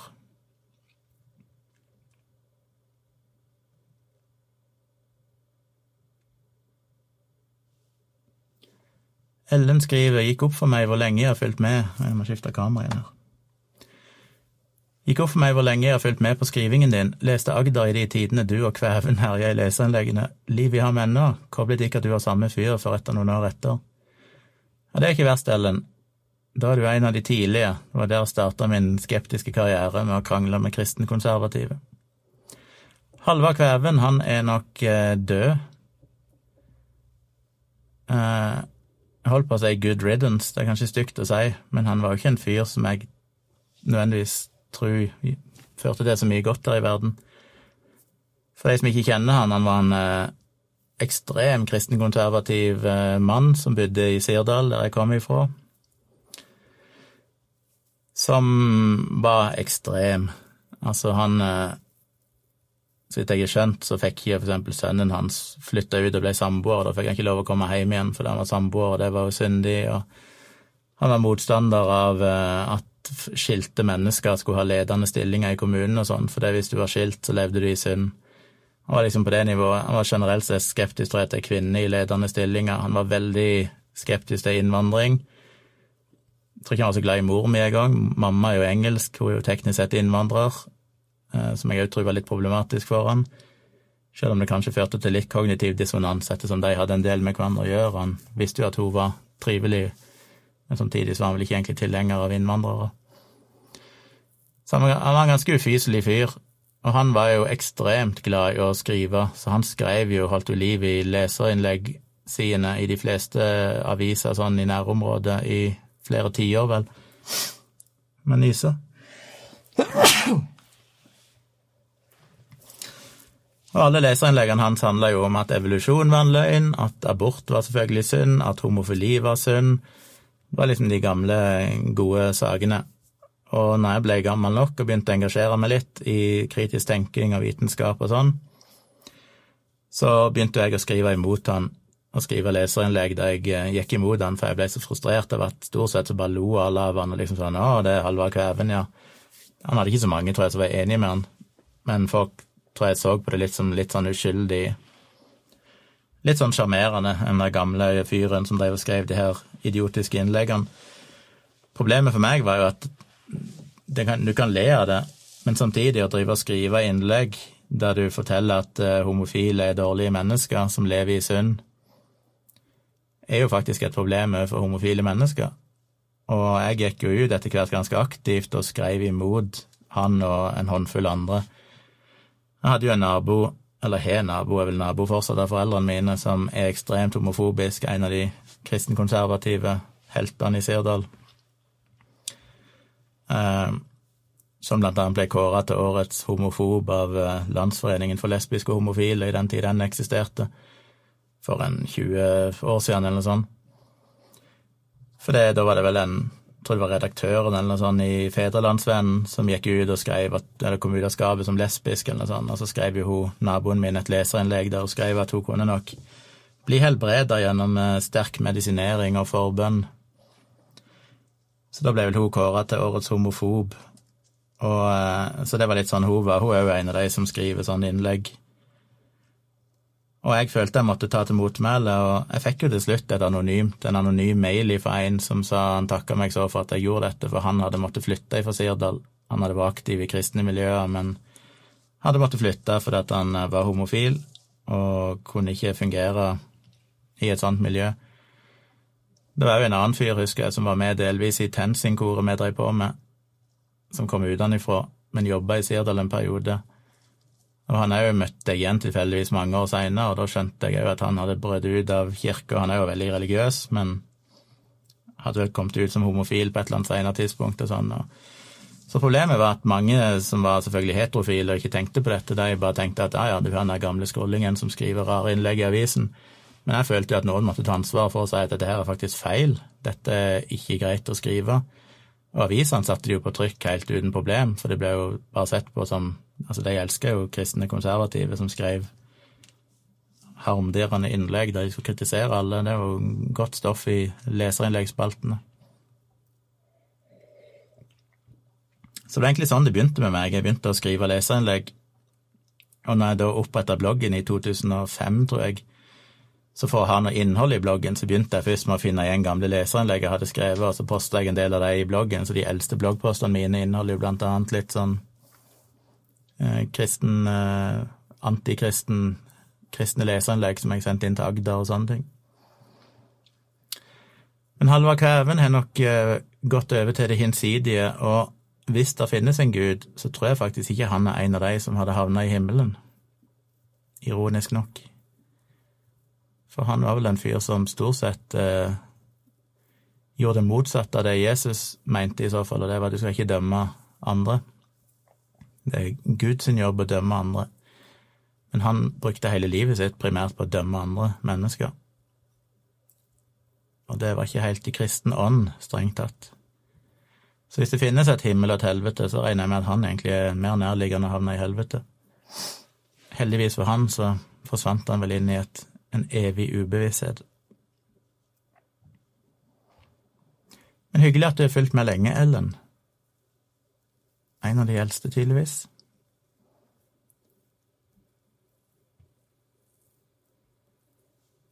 Henrik skriver hva tenker du om god Gud versus ond Gud? Religiøse vil ofte påstå at Gud ikke kan være ond fordi det er så mye godt i verden, men det motsatte kan jo sies om en ond Gud også.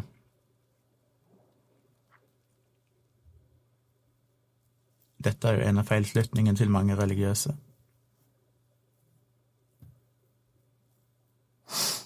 Ja, det er jo et argument jeg aldri har skjønt. Jeg husker eh, når jeg først begynte å tenke tilbake på mine gamle leserinnlegg, så husker jeg jeg skrev et leserinnlegg om det en gang. Jeg den, den tror jeg finnes i bloggen min, faktisk.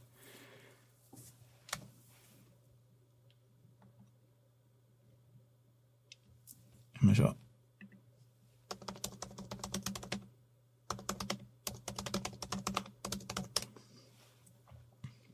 Um,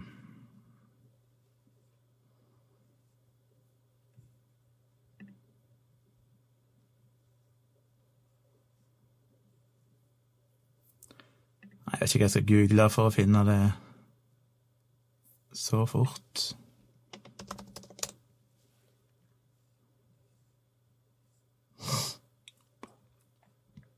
Nei.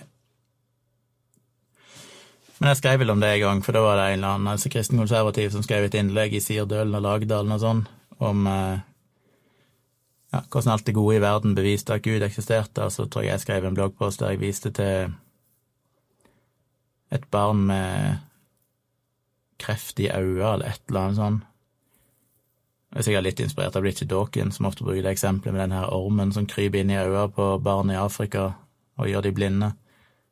Et eller annet sånt, og snakke om hvordan kan du si at det finnes en god gud når du gjør noe så meningsløst for helt uskyldige unge barn.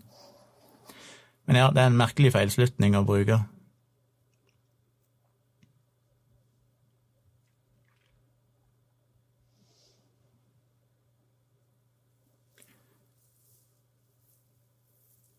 Sindre spør tror du det finnes synske mennesker. Nei, det tror jeg overhodet ikke. Jeg er villig til mening hvis noen hadde vist noe dokumentasjon på det, men etter så lang tid, der så mange mennesker er blitt testa, og hver gang det kommer offentlige spådommer, så er det aldri noen ting. Enten kommer de etter at ting er skjedd, eller så er det bare en ren statistisk greie. Jeg skrev en bloggpost etter 22. juli, husker jeg, der jeg gikk gjennom en del sånne klarsynte som hevda at de hadde spådd at 22. juli kom til å skje. De gikk ut i ettertid selvfølgelig og sa at ja, jeg så dette her, og jeg har til og med dokumentert det skriftlig. Så jeg gikk inn og så, og det var et fascinerende skue. Den jeg husker best, var en amerikansk psychic uh, Cindy eller psychic uh, Sofie eller et eller annet sånt, som mente at hun hadde spådd uh, 22. juli i Norge, terrorangrepene. Og det viser seg vel at hun hadde spådd Jeg husker ikke helt, men hun hadde Psychic Nikki, var ikke det, vet du, når man sjekker.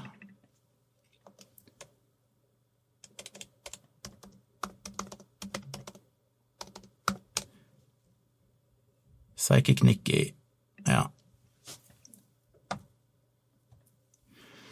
En blogg på som jeg skrev 1. september 2011, som heter Synske spådde terroraksjonen etter at den skjedde. Og det var litt morsomt, for at 23. juli jeg holdt på å si, Jeg kjente jo 22. juli bitte grann på kroppen, bare fordi jeg bodde ikke så veldig langt ifra der bomba sprengte og hele blokka mi vibrerte, eller sveia i, i trykket av bomba. Og så begynte jeg å følge med på TV og sånn, og begynte å skjønne hva som skjedde, og så skrev jeg en blogg på som heter Jeg er sint, og der skrev jeg blant annet Jeg skrev alt jeg ble sint på i den terrorangrepet, hvor grusomt det var. Så skrev jeg jeg blir sint på såkalte synske som later som om de kan se inn i fremtiden, men som ikke, engang, ikke en eneste gang er i stand til å se noe dere, dere kan rapportere før det faktisk skjer. Det hjelper oss fryktelig lite at dere nå i ettertid vil hevde at dere så dette komme. Dere vet hvem dere er, enten dere har solgt bøker fylt av vrangforestillinger og løgner for millioner av kroner i dette landet, eller vunnet synskhetskonkurranser på TV. Over 100 menneskeliv er gått tapt. Ja, På det tidspunktet så trodde han jo at mer enn 100 mennesker var blitt drept. Det ble jo nedjustert et, etter hvert. Og dere inkompetente rasshøl og noen svindlere vil likevel påstå i ukene og årene som kommer at dere kan se inn i fremtiden. Hold for evig kjeft, for faen. Og det var en av mine mer sinte bloggposter. Jeg tror ikke jeg bruker sånne uttrykk så mange ganger i, i bloggen. Men det viser seg jo jeg hadde rett, for da begynte det å dukke opp. Jeg skrev en blogg på som Astrologen Sol, en norsk astrolog som mente at det ville skje noe den dagen, som jeg gikk inn og så på, sjekka og fant ut selvfølgelig ikke stemte. Og så hadde du en synsk kvinne som innbilte seg at du så noe i sjøen i nærheten av Utøya. Når jeg gikk inn og sjekka hvor hun hadde skrevet, så var det òg bare vås. Hun mente jo at hun hadde sett eh, tang og tare, blant annet. Hun glemte vel da at Tyrifjorden var ferskvann og ikke en fjord på kysten. Men så er det Psychic Nikki, da, som uh, mente hun hadde spådd dette. Hun skrev jo en tweet 25. juli. I predicted the terrorist attack in Oslo, Norway on my website No 66 in 2009. Number 66 in 2009. Så måtte jeg selvfølgelig inn og sjekke denne, da. Så skrev hun at spådommene for 2009 så spådde hun 'Terrorist attack in Oslo, Norway'. Men det var riktignok spådommer for 2009, ikke 2011, så hun bomma jo på året. Eh, men hun hevder jo likevel at hun, for, at hun forutså dette terrorangrepet. Allikevel så kan en si at ok, hun spådde jo et terrorangrep i Oslo, det er jo kanskje å bomme med to år men kanskje det er litt imponerende. Men så begynte jeg å se på de andre spådommene hennes for 2009, og hun kom jo ikke med én eller fem presise spådommer, hun skriver jo liste på hundre eller noe sånt spådommer hvert år, og alt annet hun spår, er jo bom.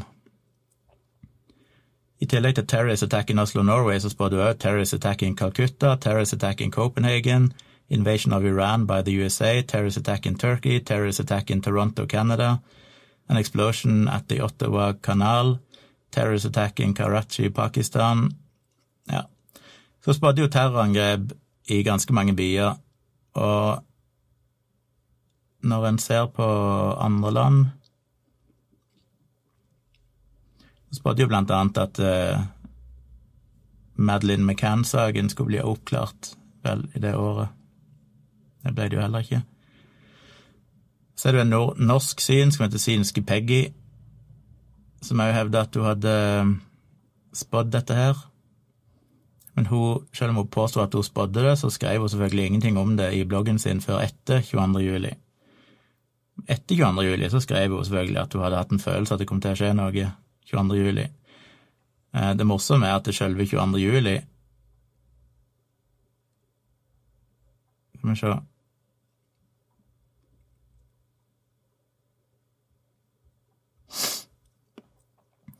Hun var ikke mer synsk enn at like etter bomba hadde smelt klokka 16.19 22. juli, så skrev hun hva er dette her, terrorhandling på norsk jord, eksplosjon, ja, men man bruker å være kjapp med å gå ut med informasjon om årsak til eksplosjoner. Ikke denne gangen er det satt munnkurv på journalistene.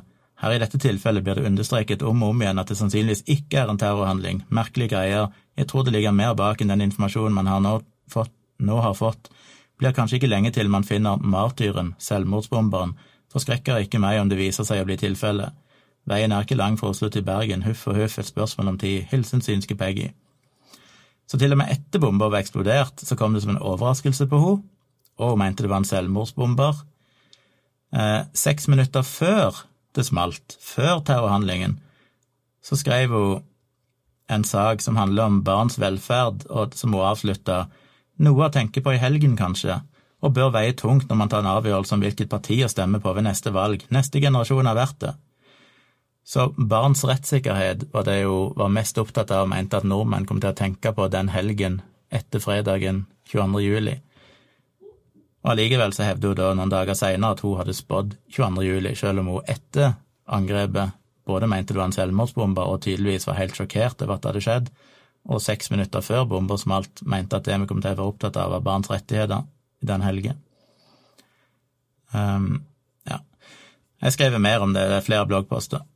Men det blir ganske forbanna på sånne folk, selvfølgelig, som helt sjokkerende på en kynisk vis i andre sin enorme lidelse prøver å promotere seg sjøl ved hjelp av sånn svada.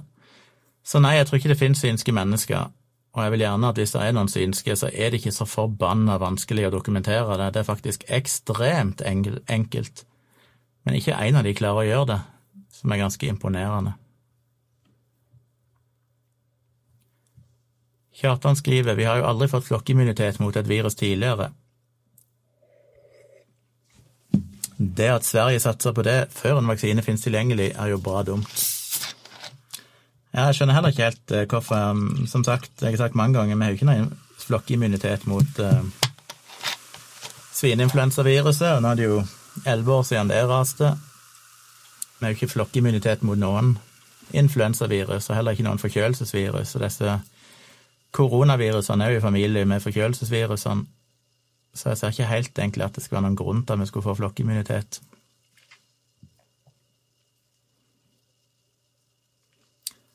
Sugleknug skriver 'shit', det var du, ja, som skrev i Agder. Er den til sørlending, eller sørvestlending, hva du skal kalle det? Ellen skriver fikk mange gode argumenter i motsvarene dine, levde i et miljø hvor skremmende mange var til dels enig med ham, heldigvis har ting skjedd.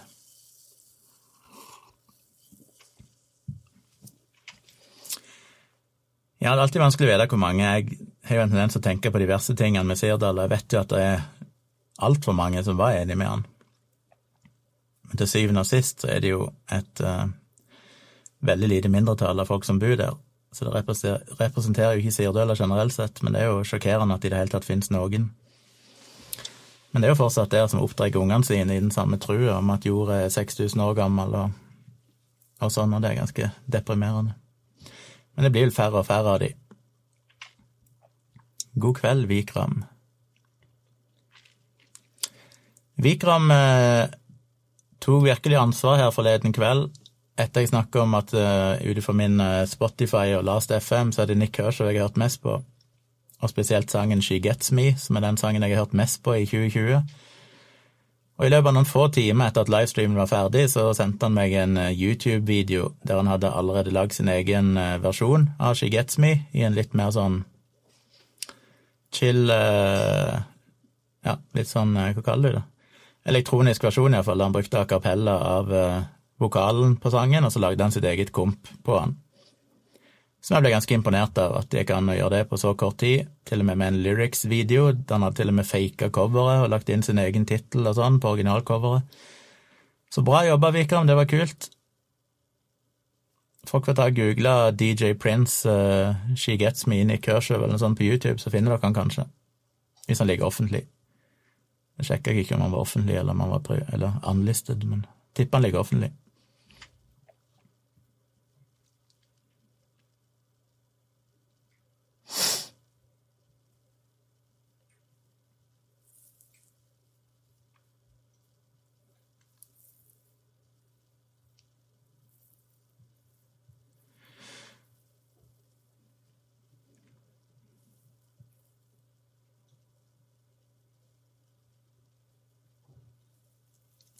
Det kommer litt argumenter i chatten mot eh, religion og konseptet Gud, som jeg jo er enig i, men vi trenger ikke å gå for mye inn i det igjen.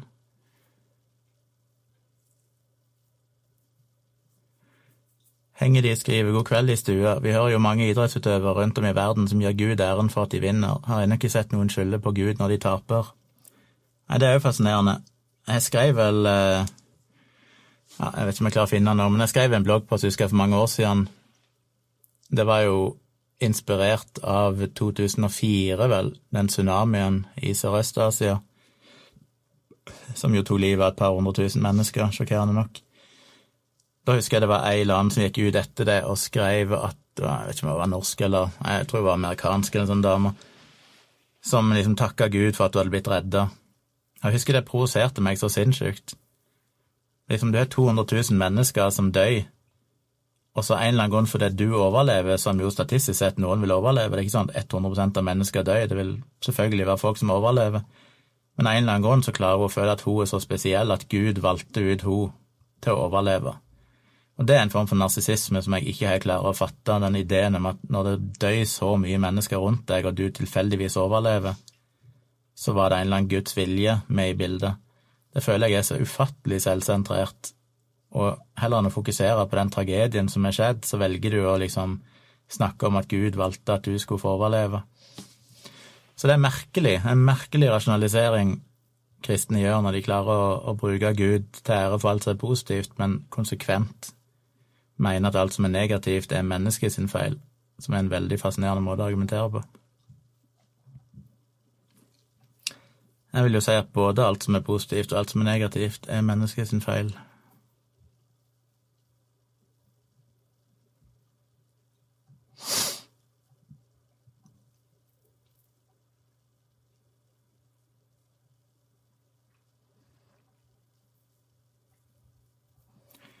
Apropos spådommer, så har vel Snåsamannen spådd at eh, Trump kom til å bli skutt i løpet av sin president eh, presidentperiode. Så han har jo seks uker igjen på seg nå til å bli skutt for å oppnå bekrefte Snåsamannen sine evner. Det er nesten så jeg håper at Trump ikke blir skutt. Christopher skriver Christopher. Mange som mener Bill Gates spådde at covid-19 i 2015 på en konferanse. Han snakket vel om at en pandemi kan komme og vi må være forberedt, men ikke spesifikt om covid-19. Ja, han spådde vel ikke covid-19 sånn sett, men det er jo veldig mange folk som i lang tid har visst at det kommer en ny pandemi. Vi hadde jo en pandemi i 2009, og alle visste jo at det ville komme nye pandemier. Og derfor oppretta jo vel Var det Obama? Som vel blant annet oppretta en sånn pandemi... Hva heter det? komité i USA som skulle jobbe med dette, som jo da selvfølgelig Trump la ned eh, en stund før denne nye pandemien kom, som var veldig lite taktisk smart, selvfølgelig, viser seg i ettertid. Men det er jo en grunn til at de oppretta en sånn pandemikomité, for de visste jo at vi vil stå overfor en pandemi på et eller annet tidspunkt i relativt nær framtid, og det gjelder å være forberedt. Så Bill Gates, som har vært såpass opptatt av vaksine, han er jo en av de som har snakka om det, og det er jo ikke noen spådom i den forstand at det var mer en selvfølgelighet. Dette er noe som fagpersoner har diskutert mye og visst at kommer til å skje på et eller annet tidspunkt, og det kommer jo til å skje igjen. Det er kanskje litt trist at ikke mange nok lytta til det, at en kanskje burde vært litt mer forberedt. Fordelen med hver pandemi Vi lærte jo litt av svineinfluensapandemien, og vi har jo lært betydelig mer nå, regner jeg med. Så det vil jo være interessant neste gang det kommer en pandemi av denne som rammer Norge på den måten. Så må vi jo være mye Så er vi jo sannsynligvis mye mer forberedt enn vi noen gang var før. Nå vet vi jo mye mer hvilke tiltak folk aksepterer, og ikke minst vil befolkningen, tror jeg, være mer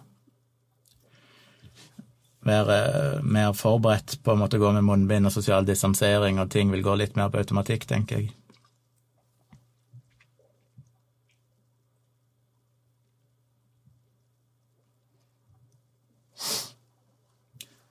Roy skriver ha-ha, hun spådde jo stock market up and down. Hvordan kan du tvile, Gunnar? Ja, det er en fantastisk spådom. Jeg husker jo for noen år siden når han der ja, Hva var det han hette? Uh,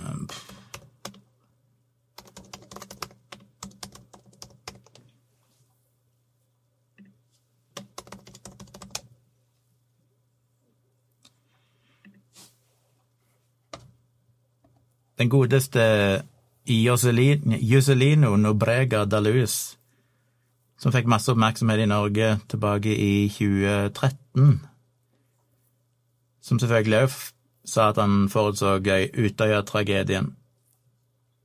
Uh, mente òg å ha spådd 11. september og tsunamien i Asia i 2004, mange år før de til inntraff. Og da husker jeg, eh, eller da ser jeg at jeg gikk inn og så på en del spådommer han hadde gjort, og ble vel ikke spesielt imponerende. Han spådde blant annet jordskjelv på Sumatra, som er en av bevisene for at han kan spå. Men så måtte jeg jo inn og sjekke, og ser jo at Sumatra har jordskjelv hele tida. Eh, det eneste virkelig alvorlige jordskjelvet nær eller på Sumatra i 2012 var 11. april, og ikke 24. september, som han spådde. Det som var i 24, 24. november, var bare ett av de nesten daglige små til mellomstore skjelvene som skjer på Sumatra. Så han kunne egentlig ha sagt omtrent hvilken som helst dato, så ville han få treff. og da sjekka jeg selvfølgelig litt nærmere på jordskjelvhistorikken og fant at um, Ja, og lista opp en del jordskjelv de hadde i dagene før og etterpå, og sånn, så det var ikke akkurat så veldig imponerende. Men igjen så tror jeg folk ofte tenker at jordskjelv skjer jo ikke så ofte, så det å spå det er jo ganske imponerende. Men som jeg dokumenterer her, så skjer det ca. 6200 jordskjelv hvert år som har eh, en magnitude på 4 til 4,9. Så hver eh, Det er 17 sånne hver eneste dag. Og Hvis du da velger et område der det er høy jordskjelvaktivitet, så kan du nesten velge hvilken som helst dag, så vil du få rett.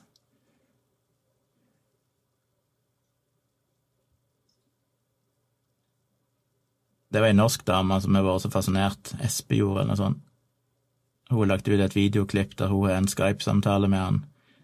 Han forteller alt han har drømt skal skje i mars og april 2013. Og da måtte jeg selvfølgelig inn og se hvor mye hadde han rett i. Ja, så lister jeg opp det. Kan sjekke ut den bloggposten hvis dere vil, men igjen, han er ikke spesielt imponerende.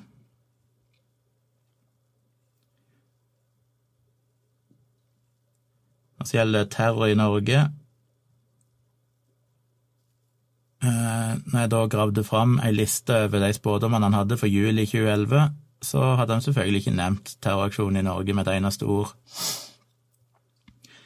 Så igjen er det ganske imponerende at han kommer etterpå og sier at han spådde terroraksjonene i Norge, men når du da ser på hva han faktisk er publisert før juli 2011, så har han selvfølgelig ikke nevnt det i det hele tatt. Så det er jo litt rart at en av de verste terroraksjonene som er begått i den vestlige verden etter andre verdenskrig, da bare blir glemt vekk, tydeligvis.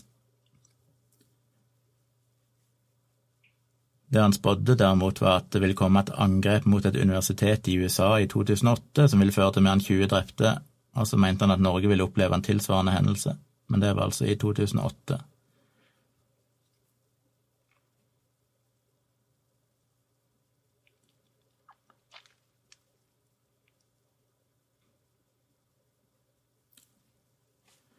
Her så ser jeg jo at han spådde at uh, det han skrev i ettertid, når han mente han hadde spådd det, så sa han at han hadde sett at det skulle skje fredag 21. juli, og så snakka han om lørdag 22. juli.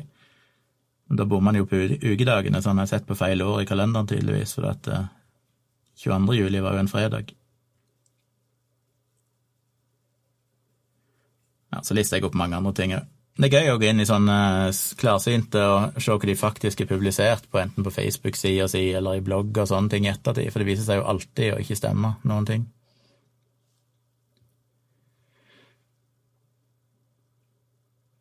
Jeg scroller litt opp igjen her, hva var med?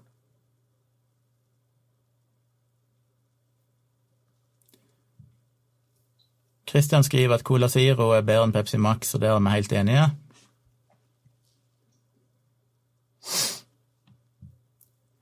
Vikram mener at jeg burde hatt en champagnekjøler til colaen min. Jeg er helt enig. Det er litt vondt når jeg starter med isbeder og iskald cola. Nå drikker jeg halvvarm cola. Per skriver at DJ Prince er dyktig, og Vikram korrigerer meg, eller presiserer med å skrive at den versjonen av Nick Kershaw sin She Gets Me, det var en chill elektronisk bossa nova-versjon. Bare for å ha plassert riktig sjanger. Kristoffer spør kan KJ gå til søksmål for at du har brukt hennes videoer. Hun kan selvfølgelig gå til søksmål. Tviler på hun vil vinne et søksmål. Det er vil stort sett eh, to utfall på sånne ting. Worst case så kan jeg bli bedt om å ta ned videoen, som jeg kanskje kan gjøre da, i så fall. Eller må gjøre hvis jeg blir dømt til det. Mest sannsynlig så er jo ingen sak, for det er snakk om å kommentere. Det er en form for sitatrett, at du er lov å gå imot og argumentere imot og kommentere sånne ting. Pluss at hun har jo sjøl skrevet inne på Facebook-sida si at hun bare syntes det var gøy på en måte at folk eh, gjorde det, for hun mente at eh, Ja, jeg tror ikke hun syntes at det var noe problematisk.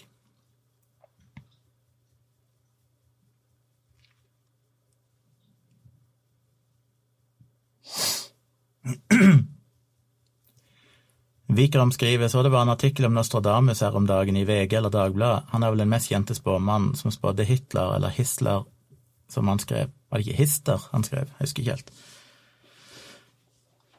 Ja, det beste med Nostradamus, som jeg òg tror jeg til og med skriver om i placebo-defekten, men det var jo etter 9-11, når det dukket opp et, uh, en av disse Nostradamus-versene som jo spådde 9-11 ganske spot on.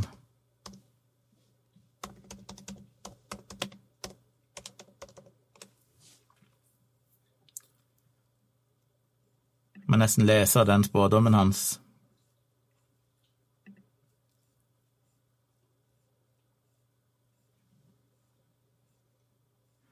Han skrev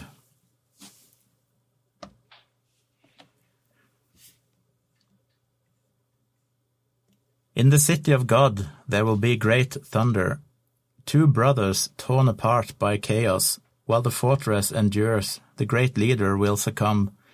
The third big war will begin when the city is burning. Som visstnok ble skrevet av Nostradamus i 1654. Og det klarte jo folk å tolke til at City of God, det måtte jo være New York. Great Thunder, det var jo alt det som skjedde, eksplosjoner og bygninger som raste. Two Brothers Torn Apart by Chaos. Da tenker folk selvfølgelig Twin Towers, to brødre. While the Fortress Endures, som jo kan tolkes som at Pentagon, som ble truffet av et fly, ikke ble rasert, kanskje. Uh, så det var mye her som pekte i retning Jeg husker første gang jeg så det, før jeg visste bakgrunnen til det, så tenkte jeg shit, det var jo faktisk ganske treffende. Det første problemet med et sånt dikt eller vers spådom er jo selvfølgelig at det er ikke definert noe tidspunkt, så gitt eh, lang nok tid, så kan du alltid si at før eller senere så vil du finne et eller annet som passer med det. Sannsynligvis har det vært mange ting i historien som har passet med dette. Uh, det eneste er at han skriver 'The Third War Will Begin'. Da kan han jo anta at han mente iallfall det måtte ha skjedd etter andre verdenskrig, så det begrenser det jo litt. Uh, det kunne ikke ha gjeldt de første 400 årene etter han levde, 500 årene etter han levde. Men allikevel, sånne spådommer som er såpass diffuse, kan du alltid tolke inn i alt mulig rart.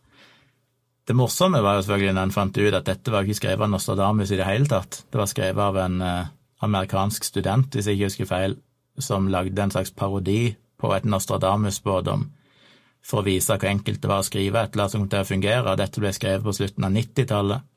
Og så gikk det jo bare noen år, så skjedde 2009, nei, 11. september 2001 og plutselig så det, begynte dette her verset å sirkulere rundt som om det var Nostradamus som hadde skrevet det.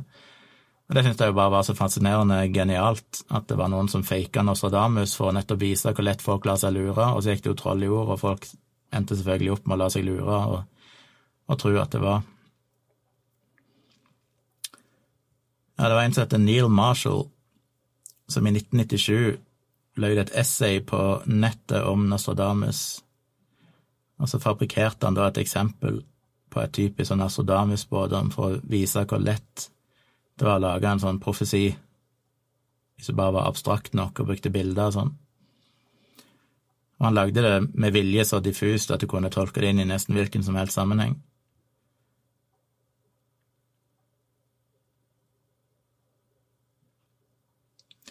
Så den syns jeg er morsom. Men nei, Nostradamus spådde nok ikke så veldig mye korrekt, men han masseproduserte jo spådommer som var diffuse nok til at du kan alltid tolke det inn i hva som helst, omtrent som Bibelen, som folk gjør med profetier i Bibelen. Når du bare skriver nok tekst og er diffus nok, så kan du alltid få det til å passe med det du vil. Men jeg er spent på hvorfor VG eller Dagbladet skrev om det nylig. Jeg håper de skrev fornuftig om det.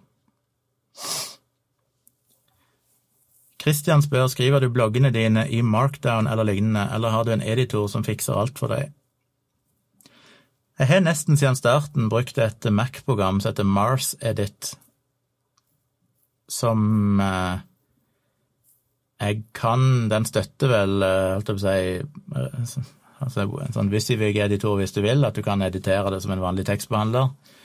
Men det har jeg aldri gjort. Jeg har alltid gjort det i HTML-modus. Dette var vel egentlig før Markdown ble en greie, så etter hvert Jeg hadde iallfall egentlig ikke hørt om markdown så tidlig. Så jeg har primært bare skrevet det i ren HTML, det vil si at jeg skriver teksten, men det jeg skal utheve tekst og sånn, det har jeg bare merka og trykt på bold, for eksempel, og så legger han inn kodene direkte. Eller er det markdown han bruker? Nå ble jeg usikker her. Det er mulig han bruker en slags markdown. Jeg husker ikke helt. Jeg har iallfall aldri skrevet det i Wordpress, anten kanskje i aller første bloggpostene skrev kanskje rett inn i Wordpress, men, men i alle år etterpå så har jeg brukt eh, Mars Edit fram til i dag, så jeg har brukt det i nesten 15 år. Og det programmet har nesten ikke endra seg på 15 år. Det har skjedd litt nye ting, og det kommer oppdateringer stadig vekk for å holde ting kompatibelt og sånn, men det ser fortsatt ganske Det er ganske simpelt program. Så jeg har alltid vært på jakt etter en bedre editor, så jeg har prøvd alt mulig, sånn Blogo, et eller annet var noe som heter, og ja, jeg har prøvd forskjellige soft, typer software. Hver gang jeg har prøvd å bruke dem, så har de feila meg. De har fucka opp et eller annet, eller ødelagt bloggposten, eller Eneste jeg har funnet noensinne som faktisk fungerer konsekvent, er Mars Edit. Jeg har brukt Ulysses en del som eh, editor, den er jo basert på Markdown. Og den fikk jo etter hvert, begynner vel å bli noen år siden nå, men fikk jo etter hvert støtte for å kunne publisere rett til Wordpress. Men det syntes jeg ikke fungerte noe bra. Det ble for rodete. Det var et eller annet som ikke jeg trivdes med der, så jeg har fortsatt brukt Mars Edit.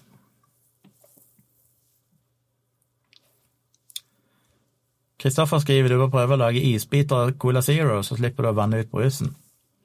Ja, men jeg plages ikke av det.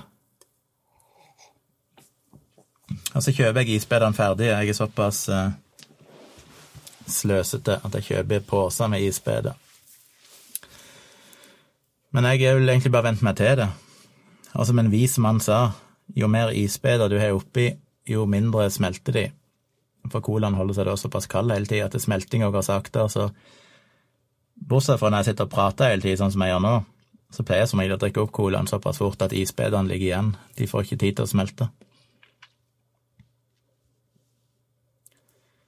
Henger de sier hva med blekkspruten som spådde vinneren i fotballkamper under VM?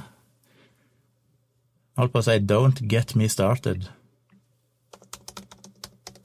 For det har jeg jo selvfølgelig blogga om.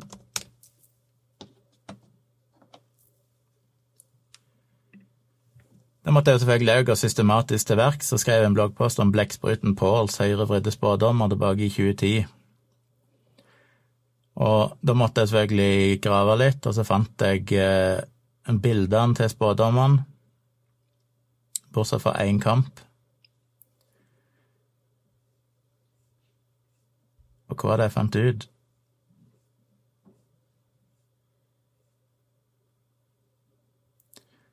Han, hadde, han spådde åtte av åtte riktig, som er ganske imponerende, men med unntak av én gang så valgte han alltid eska til høyre, så han gikk alltid til den eska som var på høyre side.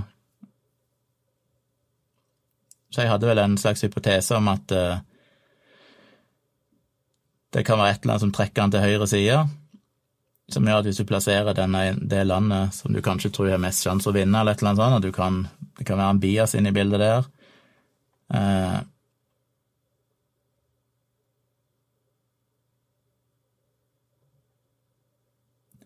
Ja, så jeg konkluderte vel med at det er vanskelig å vite. Jeg kan vel være ganske sikker på at det ikke er en synsk blekksprut, men jeg er jo nysgjerrig på om det var fargen på flaggene, eller om det var at han var høyrevridd. Politisk, som gjorde at han alltid valgte, bortsett fra én gang, valgte den boksen til høyre. Gudene vet. Men ja, jeg har mer tro på blekkspruten Paul enn jeg har på Snåsamannen, tror jeg. Blekkspruten Paul har jo lagt fram vesentlig bedre evidens så langt. Roy sier at City of God er vel Rio de Janeiro. Ja, det er sant. Det er en av tingene som er litt fascinerende, at de tolker eh, New York til å være City of God, for det er jo aldri noensinne vel blitt kalt for City of God på noen slags måte. Men etter 9-11, når det Nostradamus, falske Nostradamus-spådommen dukket opp, så var plutselig det ga det folk mening at City of God, ja, det må være New York. Sindre spør har du sett videoene til Internett Comment Etikett. Nei, det har jeg ikke. Vikram skriver Nostradamus, Erik von Deniken, mystikk, ufo, religion, spøkelser og parapsykologi var jeg veldig interessert i i tolvårsalderen, vokste heldigvis opp etter hvert. Ufo-fenomener er interessant. Ja, jeg var nok litt seinere ute. Jeg var interessert i de tingene og leste jo Erik von Deniken og sånn fram til jeg var kanskje 18, 17, 18, nei 19 kanskje. Jeg tror rundt i 20-årsalderen så begynte jeg endelig å skjønne at dette her var bullshit. Så det tok litt tid. Men aldri for seint.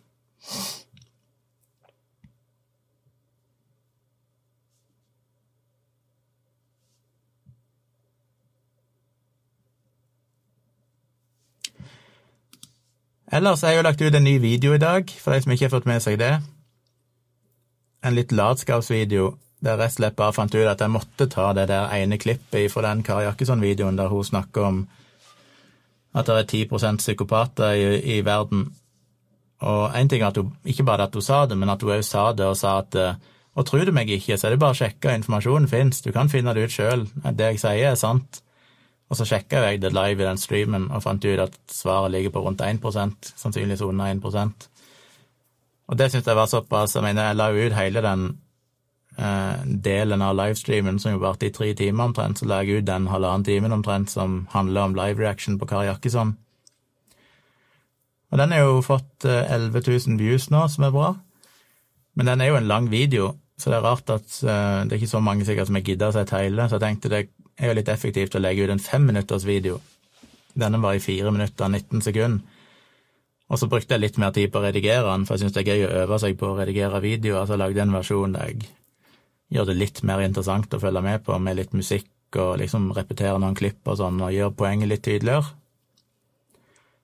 Så ta gjerne og sjekk ut min siste kjappe faktasjekk av Kari Jakkesson, og del gjerne den hvis dere syns den er verdt å dele.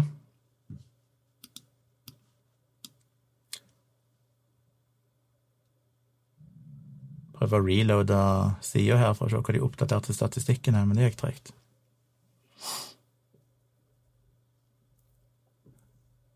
Kom igjen. Der kommer Ja. Den er passert 2000 views. Det er jo gøy, for den la ut eh, ganske seint i dag. Så den har fått et par tusen views på noen timer. Det føltes litt billig på en måte å lage en ny Kari Jakkesson-video, men det var mest bare fordi at jeg følte at akkurat det klippet der var så gull, og fordi at jeg rett og slett bare tenkte jeg trenger en enkel video å lage. Så da ble det den. Jeg syns den ble litt gøy. Kristoffer spør har du sett det norske programmet for mange år siden som heter Den sjette sans på TV Norge. Ja, det har jeg helt sikkert sett noe av. Det er neppe noe jeg fulgte med på, men Men ja, jeg husker jo jeg så noe av det.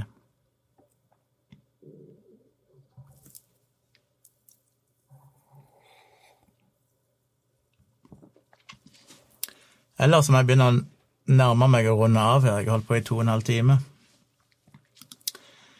Jeg eh, må bruke det kameraet litt òg. Ellers får jeg jo klage på mail om at jeg ikke bruker multicam. Nei da. Men det er jo en fin view, en skikkelig vidvinkel-view, der dere ser hvordan jeg har det her inne. Ser ikke alt, men dere ser litt.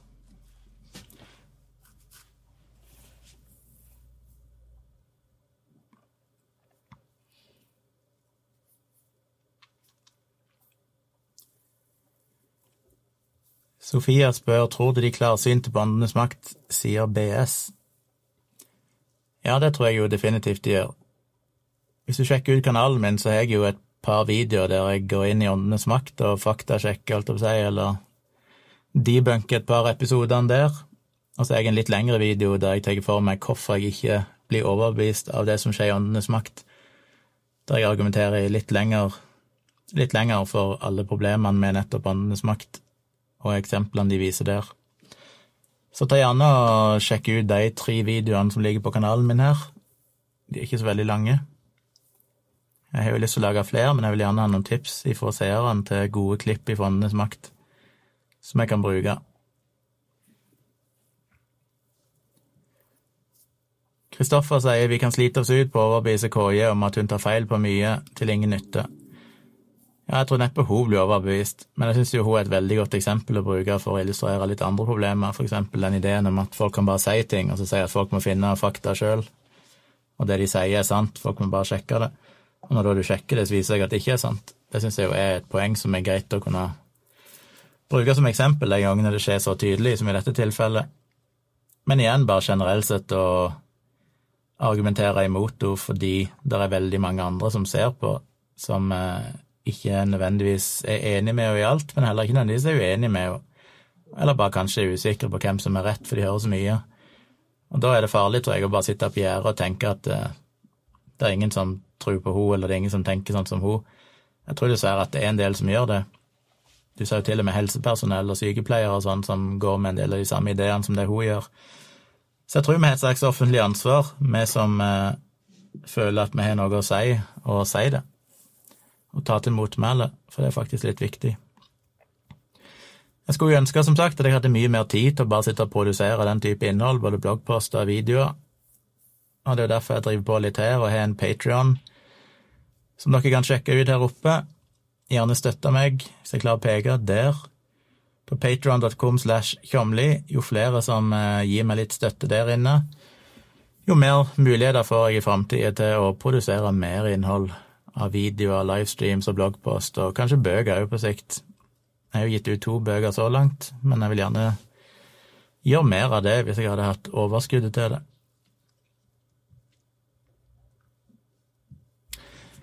Men eh, ja, sjekk ut min siste video, del gjerne med andre. Jeg setter jo veldig pris på at dere deler, inklusiv Åndenes makt-video og sånne ting. Det betyr mye for meg at dere poster de på Facebook og Twitter og sånne ting. Spre ordet. Det hjelper meg. Det hjelper meg òg at dere trykker en eh, thumbs up på denne livestreamen, eller på andre videoer jeg har laga, eller livestreams. Det hjelper jo til med å spre de. Og hvis dere abonnerer på kanalen min og trykker på den bjelleikonet, sånn at dere skrur på alle varslinger, så får dere òg beskjed når jeg går live neste gang.